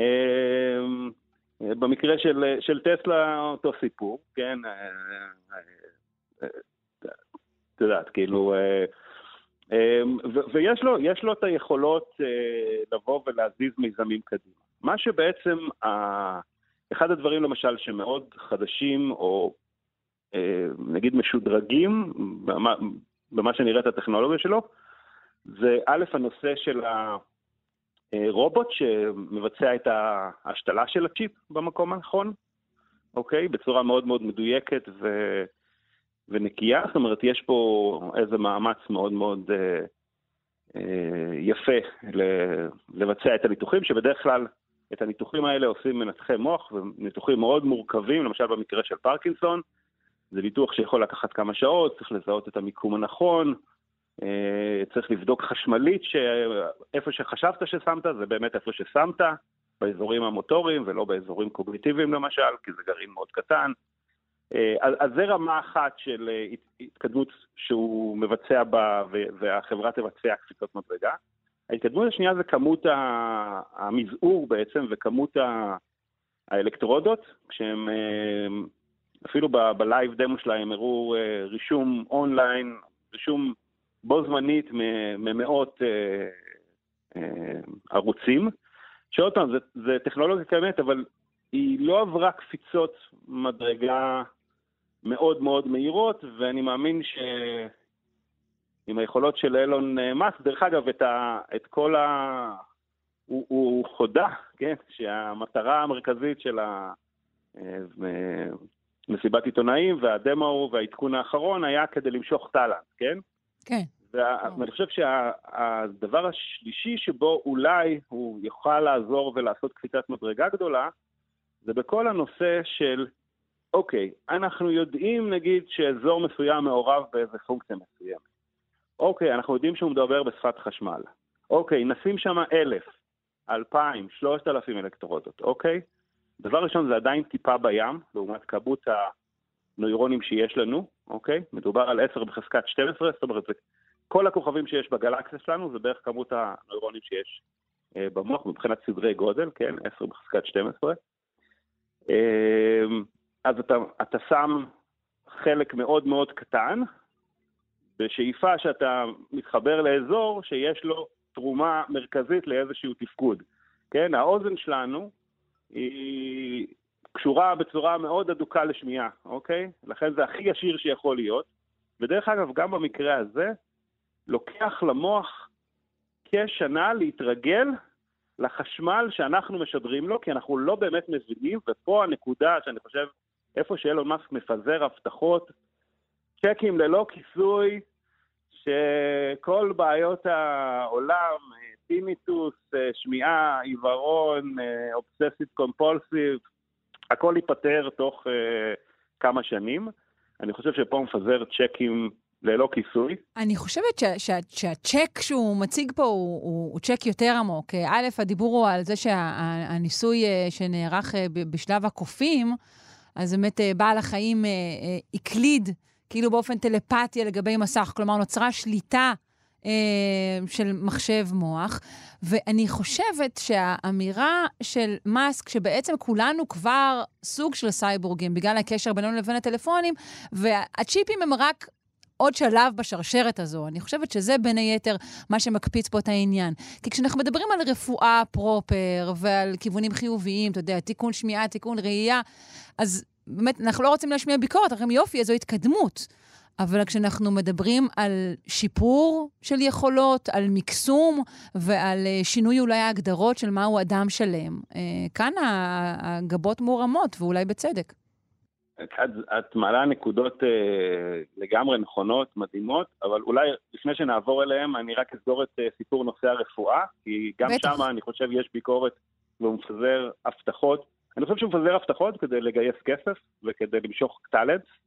אה, אני חושב שמדעני מוח בגלל זה הם אה, קצת אה, ביחסי אהבה שנאה איתו, כן? כי מצד אחד הוא שם את התחום על ה... בפרונט, והוא...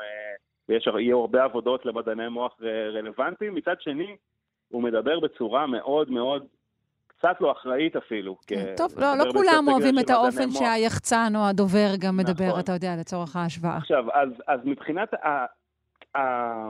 גם אם נתמקד בדברים הטובים, ואני תכף אתייחס למה שאת אומרת, כי אני חושב שהמטרה המרכזית שלו היא לא לרפא עיוורון או אובססיב קומפולסיב או דיכאון או אוביסיטי, אוקיי? המטרה שלו היא באמת ליצור חיבור יותר הדוק, והוא גם מצהיר על זה, למען האמת. בדיוק, לא שהוא כן. מחביא את זה ב...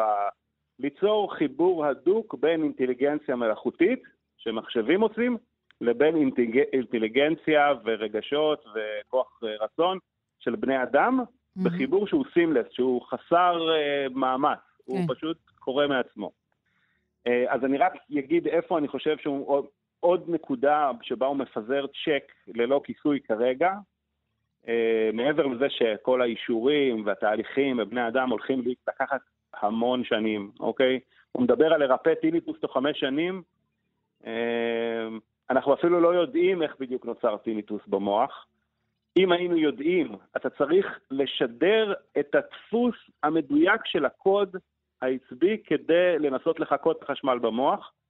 אה, אלא אם כן זה מדובר על, כמו במקרה של פרקינסון, עניין של בלנס של שיווי משקל בין הפעלה לדיכוי בין שני אזורים. אז צריך רק להעלות את הפעילות באזור מסוים או לשבש אותו, ואז אתה יכול באמת לפתור את הבעיה. צריך למצוא מקרים כאלה, מקרים שבהם התודעה שלנו, התפיסה או השמיעה או החושים אה, פועלים בגלל דפוס מאוד מאוד מתוחכם של, שבו מאות עד מיליוני נוירונים עובדים בצורה שבה מאוד חשוב מתי כל נוירון מדבר, כדי ליצור את הסימפוניה היפהפייה הזאת, כדי שאנחנו נחווה משהו, הבעיה היא שאנחנו לא יודעים, גם בטכנולוגיה של אילון מאסק שהוא מציג ושהוא מתכנן, אנחנו לא יודעים לגשת בנפרד לכל נוירון. גם אם היינו יודעים, וזה עניין של עשרות שנים, אז אנחנו לא יודעים בדיוק איך לגרות אותם חשמלית בזמן הנכון, בקצב הנכון, לכן יצטרכו למצוא מקרים שבהם יותר אתה מעלה ומוריד את הפעילות הגלובלית. ואותו דבר לגבי הדוגמה נגיד שהוא נתן כביכול של הקוף שמשחק פינג פונג, כן? על פניו זה נשמע מדהים, כן? וזה באמת מדהים. דרך אגב, זה בוצע במעבדות, עוד פעם, חלק מהביקורת של מדעני המוח, זה שאלון מאסק לוקח קרדיט ב Neuralink על דברים שפותחו כבר לפני, אבל נשים את זה רגע בצד. אה, נגיד הדוגמה שהוא נתן, הוא נתן דוגמה של קוף שבעצם משחק במשחק פינג פונג, רק דרך בעצם הפעילות המוחית שלו, דרך הצ'יפ שהוא החדיר לו. עכשיו אני לא אומר, זה ניסוי מאוד מאוד יפה, אבל מה אתה צריך כדי שזה יעבוד? כל מה שאתה צריך זה לא את לגרות בנפרד מיליוני נוירונים, כל אחד בזמן הנכון, בקצב הנכון, בקוד הנכון, שאין לנו מושג דרך אגב בדיוק איך זה עובד עדיין, לאף פונקציה במוח. אוקיי? אני די דרמטי פה, כן? אנחנו לאף פונקציה במוח עוד לא הגענו למצב, במוח האדם, אנחנו יודעים בדיוק את הקוד ובדיוק את הקצב מתי לתת כל דבר. זה לא אומר שצריך להתייאש, כי עדיין אפשר לעשות כל מיני שורטקאץ, כל מיני כן. קיצורי דרך. אז למשל בדוגמה הזאת, מה שהוא עשה, הוא מלמד את הקוף להעלות או, או להוריד את, ה, את הרמת פעילות, או בסך הכל הצ'יפ צריך לקבוע את הרמה הגלובלית של הפעילות, ואז את נגיד אתה תעשה איזשהו סיכום על הרמה הגלובלית, ואם זה 100 הקורסר יהיה למטה, אם זה 200 טיפה יותר למעלה, אם זה 300 הממוצע אז יותר למעלה וכולי וכולי. אז זה משהו פשוט יחסית. בדיוק, אז זה נראה מדהים, מה זה, הקוף משחק בכוח המחשבה שלו בלי ג'ויסטיק במשחק מחשב, אבל בעצם זה אומר שהוא יודע להעלות במדרגות של נגיד אה, 100 עד 1,000 את רמת הפעילות הגלובלית, וככה יכול בעצם להזיז את הקרסר מאוד לאט כן. אז זמננו מתקצר, אז אני אשמח כן, להתייחסותך גם ל, ל, באמת לחיבור, ה, ל, לסייבורג הזה שבעצם אולי מאסק מנסה ליצור פה. תראי, פה אני חושב שהוא צודק, אוקיי? כבר מסתובבים כיום, כיום, מיליוני סייבורגים בקרבנו. כן, בהגדרה, נגיד, השמרנית של סייבורג, זה אומר שזה חלק בן אדם, חלק מכונה. Mm-hmm. מבחינת המוח כבר ציינתי כמה דוגמאות, מושתלי שבלול, אה, DBS, אה, זה נקרא Deep Brain Stimulation, כי זה פשוט צ'יפ ש, שמגרה במוח, קיים כבר גם לפרקינסון, יש clinical trials אפילו ל obesity, שזה גם מעלה כל מיני שאלות פילוסופיות מאוד, שאת אה, רמזת אליהן, אין לנו זמן להיכנס אליהן, אבל נגיד, אם אני באוביסיטי וזה מגביל לי את הסיכוי למות באוביסיטי מאוד מאוד קיצוני, ב-50 אחוז, אז נכון לשים מבחינה רפואית או לא? כנראה כן. שכן. ומי קובע אם נכון או לא, כמובן. אם אני רוצה לרדת... חברת הביטוח. אולי תקבע אם זה נכון כן. או לא. לא, אבל יכול להיות גם שאני, יש לי כסף נגיד, אני רוצה, נגיד שאני רוצה, יש לי חמישה קילוגרם, במקרה שלי זה ממש נכון, שאני לא מצליח להוריד אותם. לא, אני נתקע. אז נגיד שאני יכול ללכת לאלון מאסק, לנונוניק, ולהגיד לו, תשמע, אני רוצה להוריד את החמישה קילו האלה. הנה, קח את הכסף, יש לי כסף. לא, אין לי כסף, אבל נגיד היה לי. אה, קח, תעשה לי את הניתוח. זה כן. נכון אתי לעשות במצב הזה? לא נכון? את יודעת, אנחנו מתקרבים לזה, אבל בשורה התחתונה כבר היום יש מיליוני סייבורגים, אוקיי? מעל מיליון, וזה עולה, ילך ויתפוס תאוצה. אה, חשוב להבין שרק שבריר של שבריר של שבריר מהמוח יכול להיות מכוסה בפתרונות האלה גם עוד עשר שנים קדימה, וזה יהיה ספציפי לדבר מסוים, זה לא, יהיה אפשר לעשות את זה, ב, אבל מבחינת, את שואלת אותי אם אין לו מה צודק, שההיסטוריה, כאילו, ההיסטוריה שלנו והעתיד בעצם מצביעים על זה שאנחנו הולכים כולנו להיות באיזשהו שלב סייבורגים, אני חושב שהוא צודק. אני לא יודע כמה כן. שנים זה ייקח, זה כנראה ייקח עשרות שנים, אבל אין ספק שלשם אנחנו הולכים. אז צריך להתחיל להתכונן לזה עכשיו. אה, או להתכונן, או להדחיק, כל אחד והגישה אוקיי, שלו, נכון? תמיד קיימת גם הגישה השנייה. אה, לגמרי, לגמרי. ואנחנו בארץ אלופי הדחקה, אז אה, אנחנו נהיה בטופ העולמי שם. אני לא יודעת, אנחנו גם אלופים בדברים אחרים. לגמרי, לגמרי. פרופסור אמיר עמדי, אה, מייסד וראש מכון איפצ'ר למוח, קוגניציה וטכנולוגיה באוניברסיטת רייכמן, ומדען ראשי ומייסד שותף בחברת רמפי. אני מודה לך מאוד על השיחה המעמיקה הזו. להתראות. אה, בכיף, תמיד אה, נחמד לדבר איתכם. יש, תודה. ביי. ביי ביי.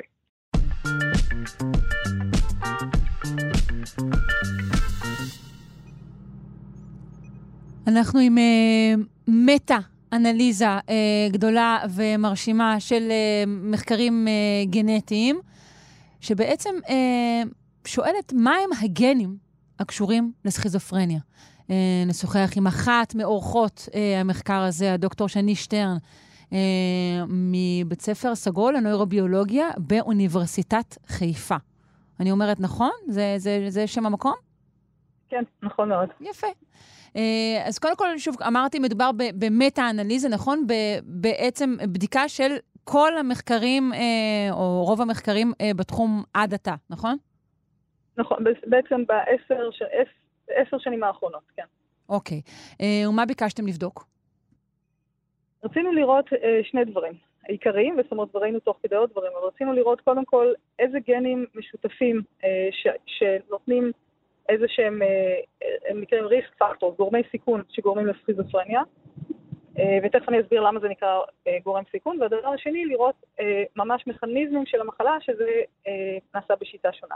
אוקיי, אז בואי קודם כל אבל נדבר על סכיזופרניה עצמה, ניתן בה סימנים.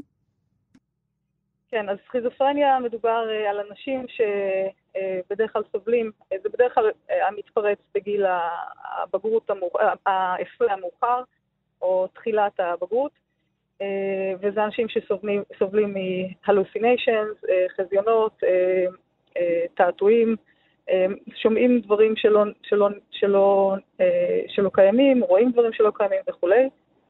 בדרך כלל, זאת אומרת, בזמן כזה התפרצות, אותם אנשים צריכים לעבור אשפוז, וזה מהווה נטל מאוד גדול על ה, בעצם על מערכת הבריאות, וגם כמובן על אותם אנשים ש, שבדרך כלל קשה מאוד להחזיר אותם למצב שהם מתפקדים רגיל בחברה.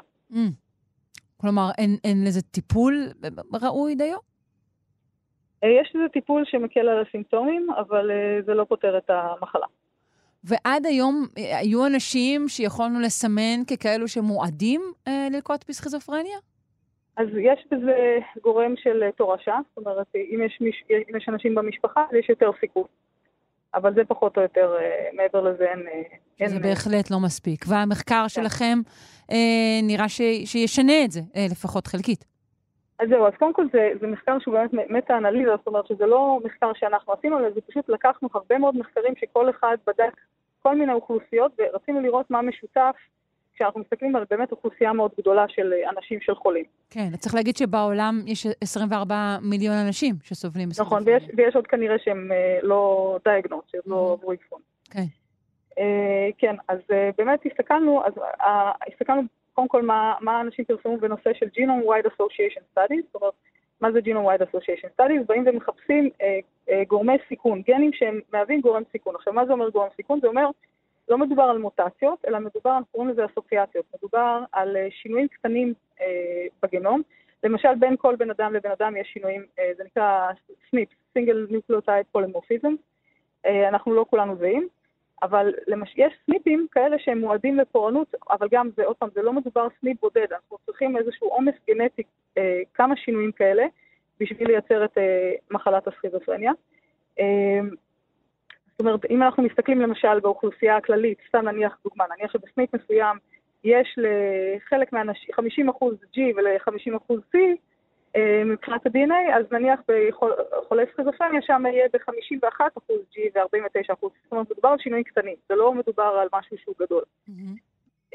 אבל בכל מקרה הלכנו ובאמת היו הרבה מחקרי GWAS שנעשו אה, בכל מיני מקומות בעולם, ו, ולכן רצינו לראות מה, מה משותף, מה הגנים שמשותפים בכל המחקרים האלה. עכשיו רק אני, אני אזכיר שהשתתפו במחקר שני סטודנטים שלי, דוקטור אשוואני צ'ודרי, ודוד פלס, שעזרו באנליזות. אה, בכל מקרה, מבחינת, ה, ה, אם אנחנו מסתכלים על גנים שתורמים, אז הגן העיקרי נקרא, קוראים לו קקנה, זה CACNA1C, mm-hmm. זה גן שמקודד תעלות אה, סידן. אה, עכשיו, זה גן חשוב כי הוא גם מופיע כריסק פקטור לבייפולר דיסורדר, זה גן חשוב מאוד במחלות פסיכיאטריות. עכשיו, זה גן שמקודד תעלות סידן, זה אומר שהתאי עצב במוח של החולים בעצם יש, יש שם תעלות סידן ש, שאחראיות על, ש, ש, שעוזרות בפעילות סינפטית, ניסחות בזמן פעילות סינפטית, זאת אומרת אנחנו מדברים על משהו שהוא קשור לפעילות סינפטית. אז זה גן שראינו שהוא הכי אסושייטד, והוא באמת בכל האוכלוסיות, בכל האוכלוסיות ובלי קשר, כי גם עשינו חתכים של נניח יורופיאן, אייז'ן וכולי, אז זה גן שהוא משותף לכולם.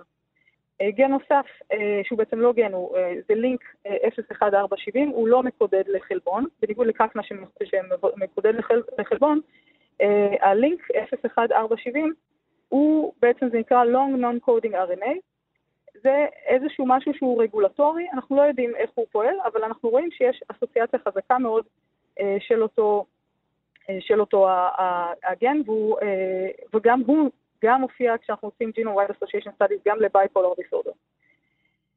Uh, עכשיו, אז בעצם הסתכלנו, היה לנו בעצם סדר גודל של קצת יותר מ-100 גנים שמשותפים לאוכלוסיות האלה, וגם רצינו לראות איפה, איפה אותם גנים uh, uh, עוברים, איפה הם מבוטאים במוח, איפה יש ביטוי של הגנים של החלבונים במוח.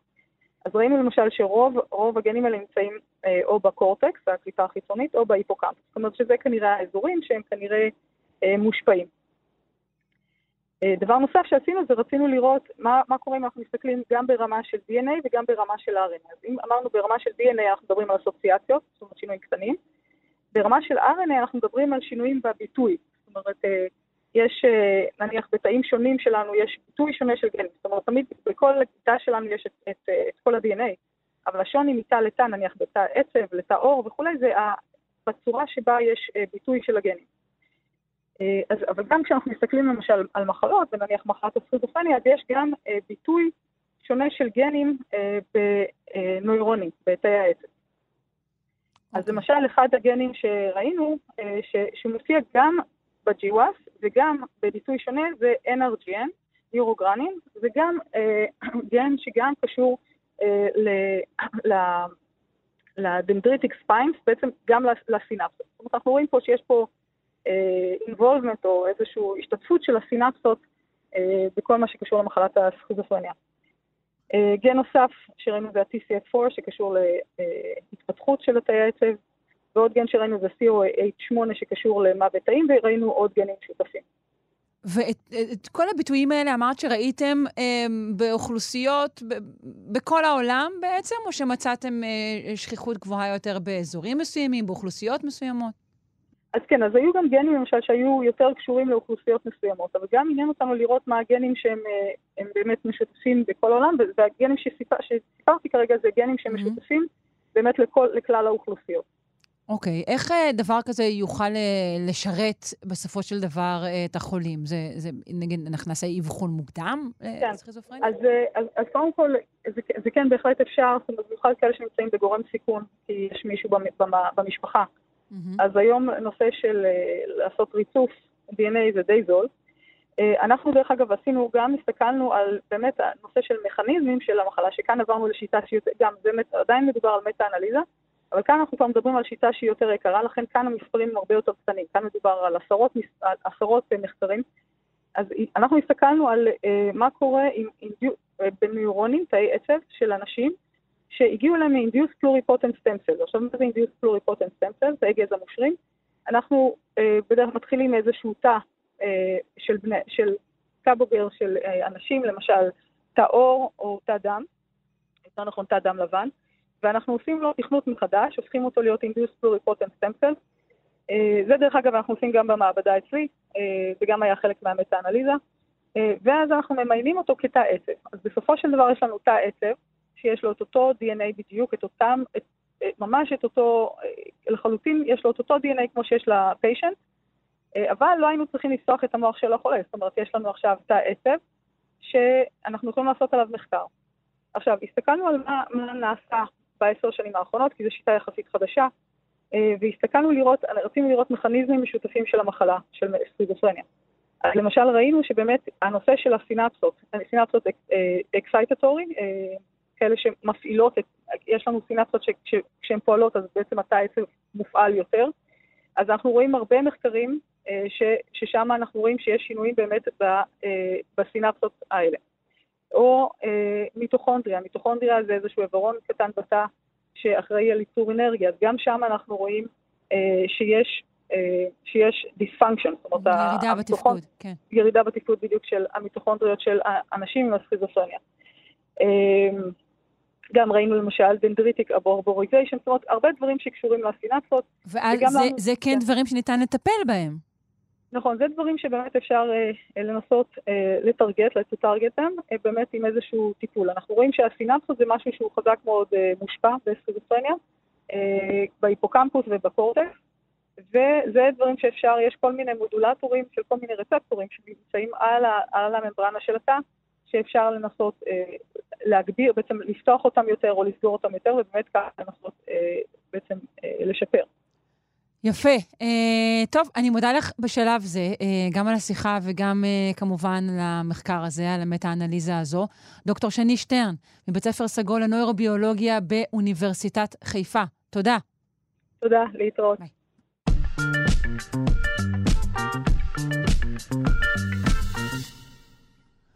האזורים הטבעיים בישראל הקטנה הולכים ומצטמצמים. אה, חלקם אף אה, נקטעים, ויש בהם אה, הפרע, הפרעות סביבתיות למיניהן. זה כמובן לא כיף לנו, בני האדם, אבל זה פוגע פגיעה של ממש במערכת האקולוגית ובבעלי החיים. אנחנו רוצים לדבר על תוכנית חדשה. שעוסקת במסדרון האקולוגי הארצי המזרחי, שנמצא בין כביש 65 למודיעין. אה, זה אזור חשוב מאוד. אה, נפנה לדוקטור עדי לוי, הוא חבר הוועד המנהל של האגודה הישראלית לאקולוגיה ולמדעי הסביבה וראש החטיבה לסביבה וקיימות במכללה האקדמית אחווה, שיסביר לנו מה הולך להיות שם. שלום. שלום, בוקר טוב. בוקר אור. אז בוא קודם כל תגדיר לנו על איזה אזור מדובר. אוקיי, okay, אז מדובר על, אה, על אזור של מסדרון אקולוגי מזרחי בעצם, שנמצא בין כביש 65 למודיעין. תוכנית שפורסמה בעצם בשבוע שעבר בהובלת המשרד להגנת הסביבה, שותפות עם משרד החקלאות, רשות הטבע והגנים, קרן קיימת לישראל, ובמימון קרן לשמירה על השטחים הפתוחים.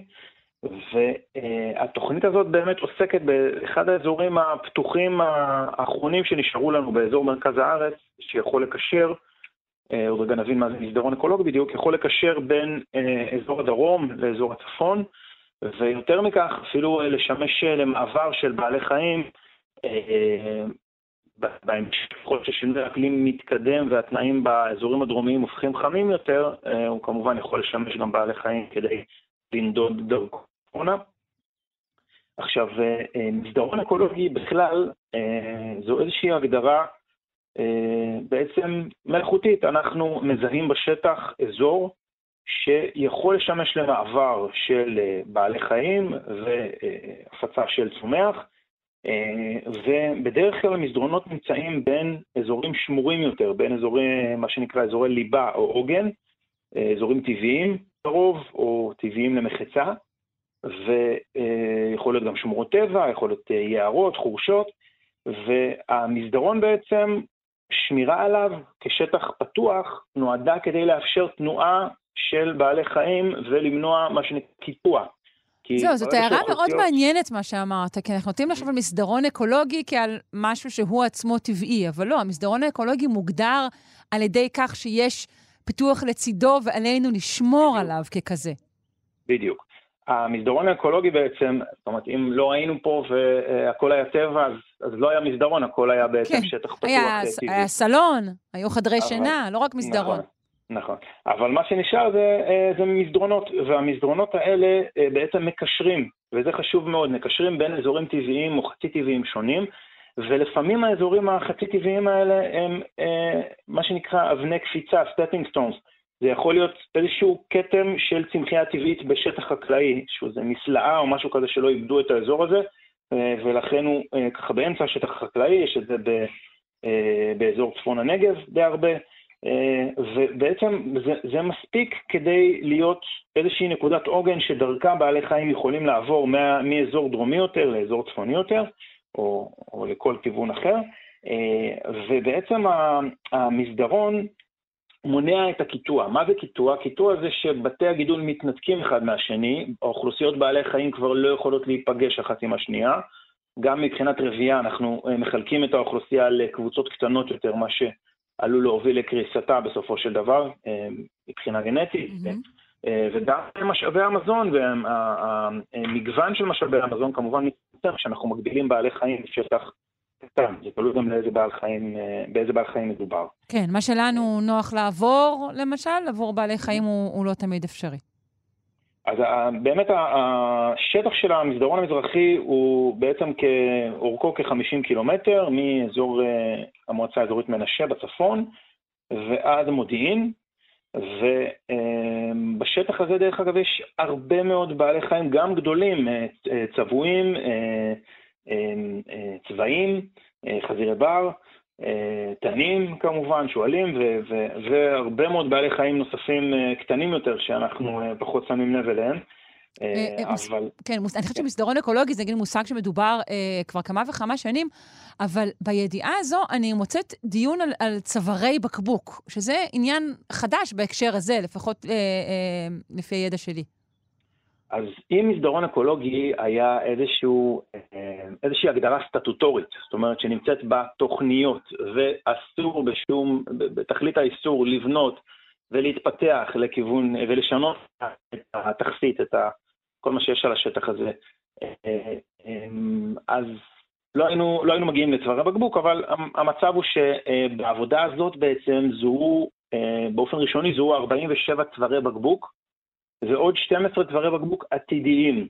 עכשיו, צווארי בקבוק, שוב, זה תלוי על איזה בעל חיים אנחנו מתייחסים, אבל בסופו של דבר, אה, צבעים לדוגמה צריכים שטח הרבה יותר רחב, אבל בסופו של דבר, אה, אה, הפיתוח, ההתרחבות של היישובים, תשתיות, כבישים, מחלפים, גשרים, בנייה מסוגים שונים. זהו, וכל, וכל הפסולת גם שנלווית לכך, שלעיתים סותמת פסולת, את האזור. השלכת פסולת, פסולת בנייה. כן. פסולת בנייה, שזה מאוד נפוץ לצערנו בארץ, ושטחים חקלאיים, אפילו שהופכים לשטחים מגודרים, ו/או משטח פתוח חקלאי ל... למשל חממות, בתי רשת. כן, ממגוון של צמחייה אנחנו עוברים למשהו שיש בו פחות מינים, או שהוא מרוסס. אז השטח החקלאי הוא לא, אין בו מגוון בגדול, המטרה היא... כן, בדיוק, זה מה שאמרתי, שהכוונה כן. של המעבר משטח שפעם היה כן. אולי פתוח לשטח כזה שהוא מצומצם. בדיוק. אז בעצם, אז זה, זה התהליך, אין מה לעשות, האוכלוסייה בישראל גדלה ומתרחבת, והמטרה של העבודה הזאת הייתה בעצם לנסות לאפיין איפה הם צווארי הבקבוק, ואיך, מי הם צווארי הבקבוק הקריטיים, ואיך ניתן אה, לשמר אותם אה, כדי שלא, צוואר בקבוק בסוף אם הוא נחסם, אז אה, בעצם כל המסדרון חסום. אז המטרה הייתה באמת להבין את המפגעים ואת החסמים בצווארי הבקבוק, ומה שהם עשו בעצם, הם, הרוחב מינימום של מסדרון אקולוגי הוא סדר גודל של שני קילומטר על פי הספרות המדעית. בצווארי הבקבוק היו בעצם אזורים שמגיעים גם לעשרות מטרים. אז אה, אה, בעצם בסופו של דבר, אה, מה שעשו זה ניתחו את כל אותם 59 צווארי בקבוק שזוהו בהתחלה, מתוכם, אחרי מיון ראשוני, נבחרו 31, שאותם בחנו בצורה מעמיקה על פי הקריטיות שלהם, עד כמה הם חשובים, זאת אומרת, האם יש להם תחליף או אין להם תחליף, עד כמה הם מאוימים בתוכניות פיתוח וכל מיני אפשרויות אחרות שיפגעו בהם, וכמובן גם הערכיות האקולוגית שלהם, עד כמה בעצם הם מבחינה אקולוגית מכילים כמות גדולה של מינים נדירים או, או מינים מקומיים, ו, ובסופו של דבר, הסתכלו דרך אגב גם על האפשרות בשטחים האלה של, ה, של הצווארי בקבוק, לייצר דיאלוג עם חקלאים, אה, בעצם קריטריון טכני שבעצם בדק אפשרות לייצר שיתופי פעולה כדי לשמור ביחד על המסדרון. בסופו של דבר מ-31 ירדו ל-16 שעליהם אספו מידע ממש בצורה... זה, זה הולך ומצטמצם ככל שהשיחה שלנו אה, נוקפת, כן. כן, ו... אה, וחלק בעצם מה-16 האלה התמקדו בהם עשרה סך הכל, כמקרה מבחן, כ-case studies, כדי לנסות ולהבין מה ניתן לעשות, מה צריך לעשות, זה ממש מפורט במסמך הזה ברמה גבוהה מאוד, אם זה למשל צוואר הבקבוק של חריש מיסר, צוואר הבקבוק של אזור אייל צור יגאל, אזור אלעד מערב, מודיעין, למשל במודיעין, אזור שמאופיין ביערות, שטחים פתוחים, אבל סמוך מאוד לביטוח עירוני מואץ, יש שם גם ערכיות גבוהה, גם נוכחות של צבעים, גם חיבור בין כמה שטחי ליבה, שביל ישראל שעובר ליד, אה, אבל יש גם גידור אה, בגלל מרעה, ויש פיתוח והרחבה של כבישים ולחצי פיתוח עירוניים, וכן יש באזור הזה יחסית לא מעט מעברי בעלי חיים. אנחנו צריכים לזכור אבל, בהקשר הזה של צוואר בקבוק, גם אם בשטח זה נראה לנו שיש אפילו כמה מאות מטרים, למשל הצבי הארץ-ישראלי צריך לפחות 700 מטר.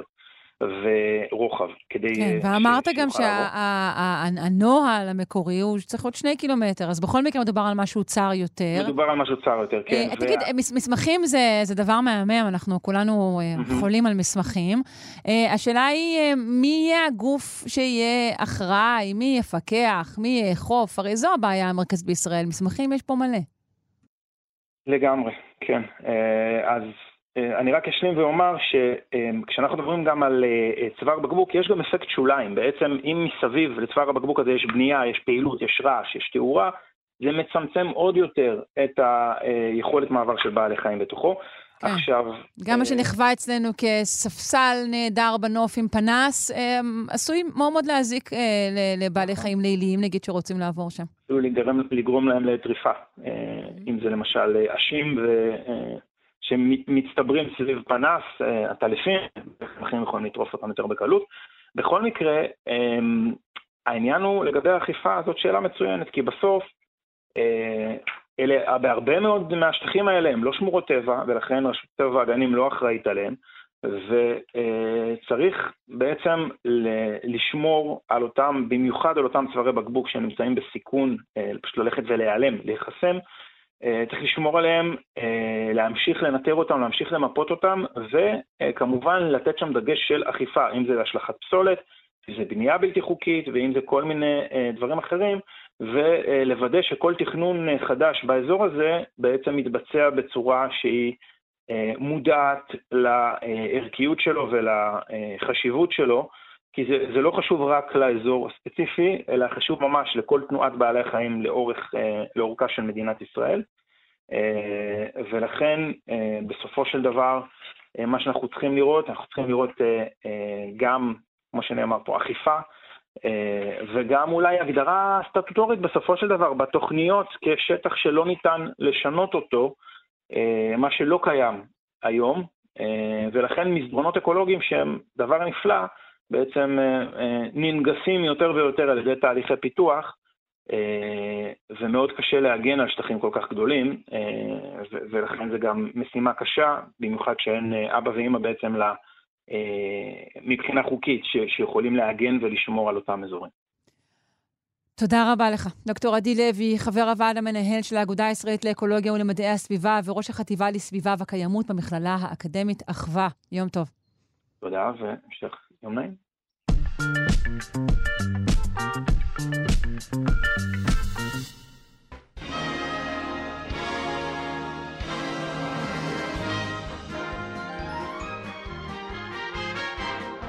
פינה התרבות שלנו, עם יונתן גת, מרצה באוניברסיטת תל אביב, ומרצה ברחבי הארץ על גיבורי תרבות, וידידנו החשוב והוותיק, שלום.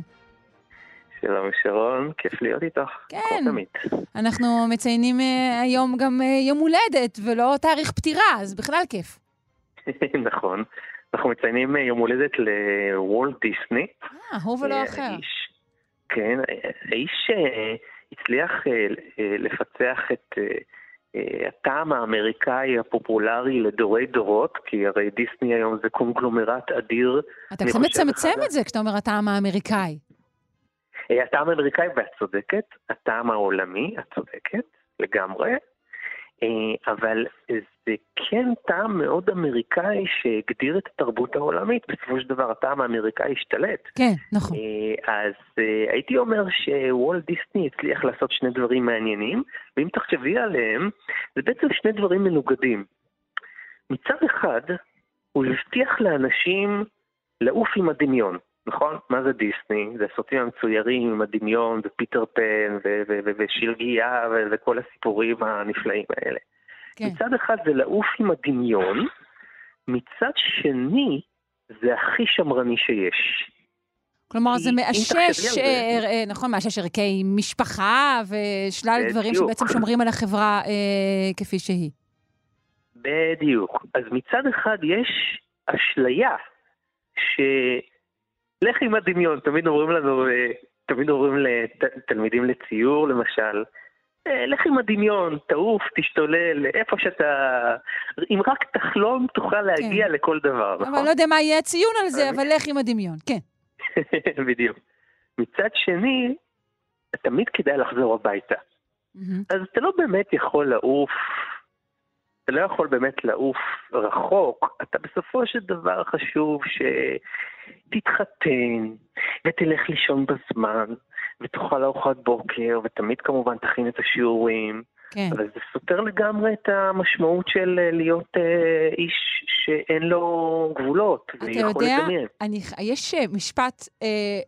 שאומר בדיוק את זה, אבל באופן כן. סמלי, הוא אמר את זה אה, לפני התכנון של דיסנילנד. הוא רצה את הפארק המדהים הזה, והוא אה, אמר על המתכנן כך: אני רוצה שזה לא ייראה כמו שום דבר אחר בעולם, ואני רוצה שתקיף את זה רכבת.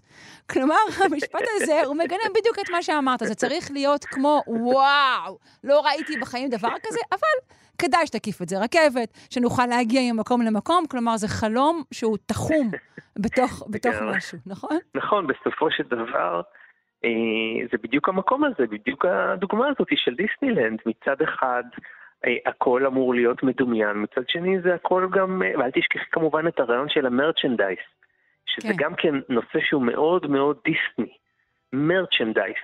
אתה יוצר את, ה, את, ה, את הדמות לפי איך שתוכל למכור אותה אחר כך בתור או. לתלמידים. בדיוק, זו הנקודה. כלומר, זה לא חלום, ואין- זה חלום שכיר.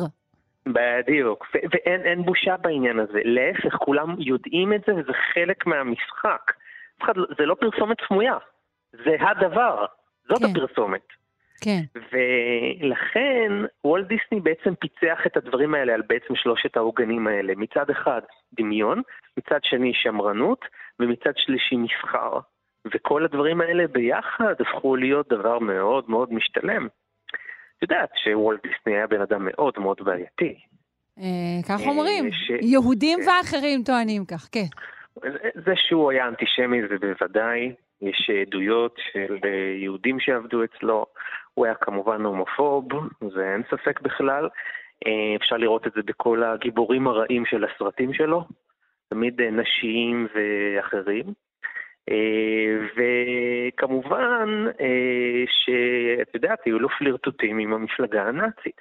כן. עכשיו נשאלת השאלה, איך בן אדם כזה בכל זאת הפך להיות, הפך להיות קונצנזוס, למרות שהוא אה, לא נמצא היום על הספקטרום של הליברלי.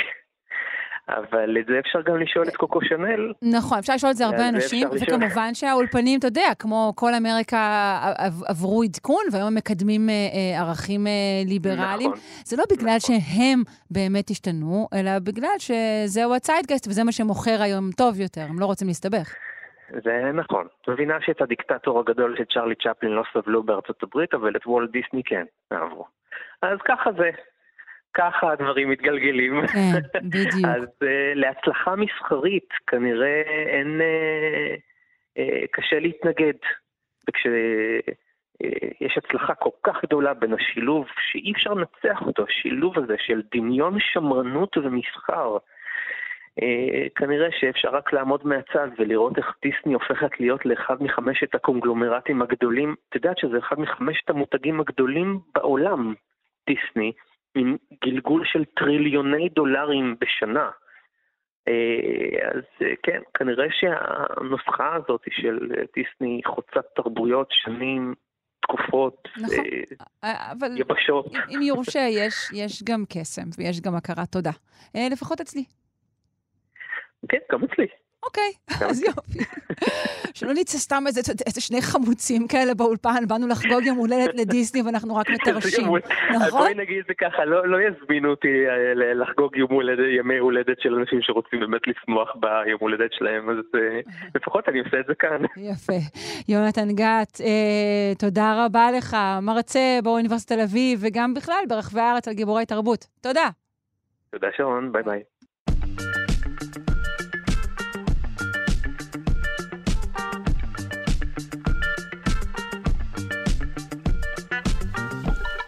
זהו, תמו להן שעתיים שלנו, שלושה שיודעים, אני מקווה מאוד שנהניתם. אנחנו נפרדים מכם. העורך רז חסון, המפיקות, תמר בנימין וטל ניסן, אה, לביצוע הטכני אלון מקלר ואני שרון קנטור. אם לא הצלחתם להאזין להכל, זה חמור מאוד מאוד מאוד, אבל תוכלו אה, להשלים את הידע בערב בשידור החוזר שלנו שמתחיל בשעה שמונה, או להאזין לנו כהסכת ביישומון של כאן או בכל יישומון אחר שתראו לנכון. אחרינו, גם כן תרבות עם גואל פינטו. המשך יום נעים, ביי ביי. Bye.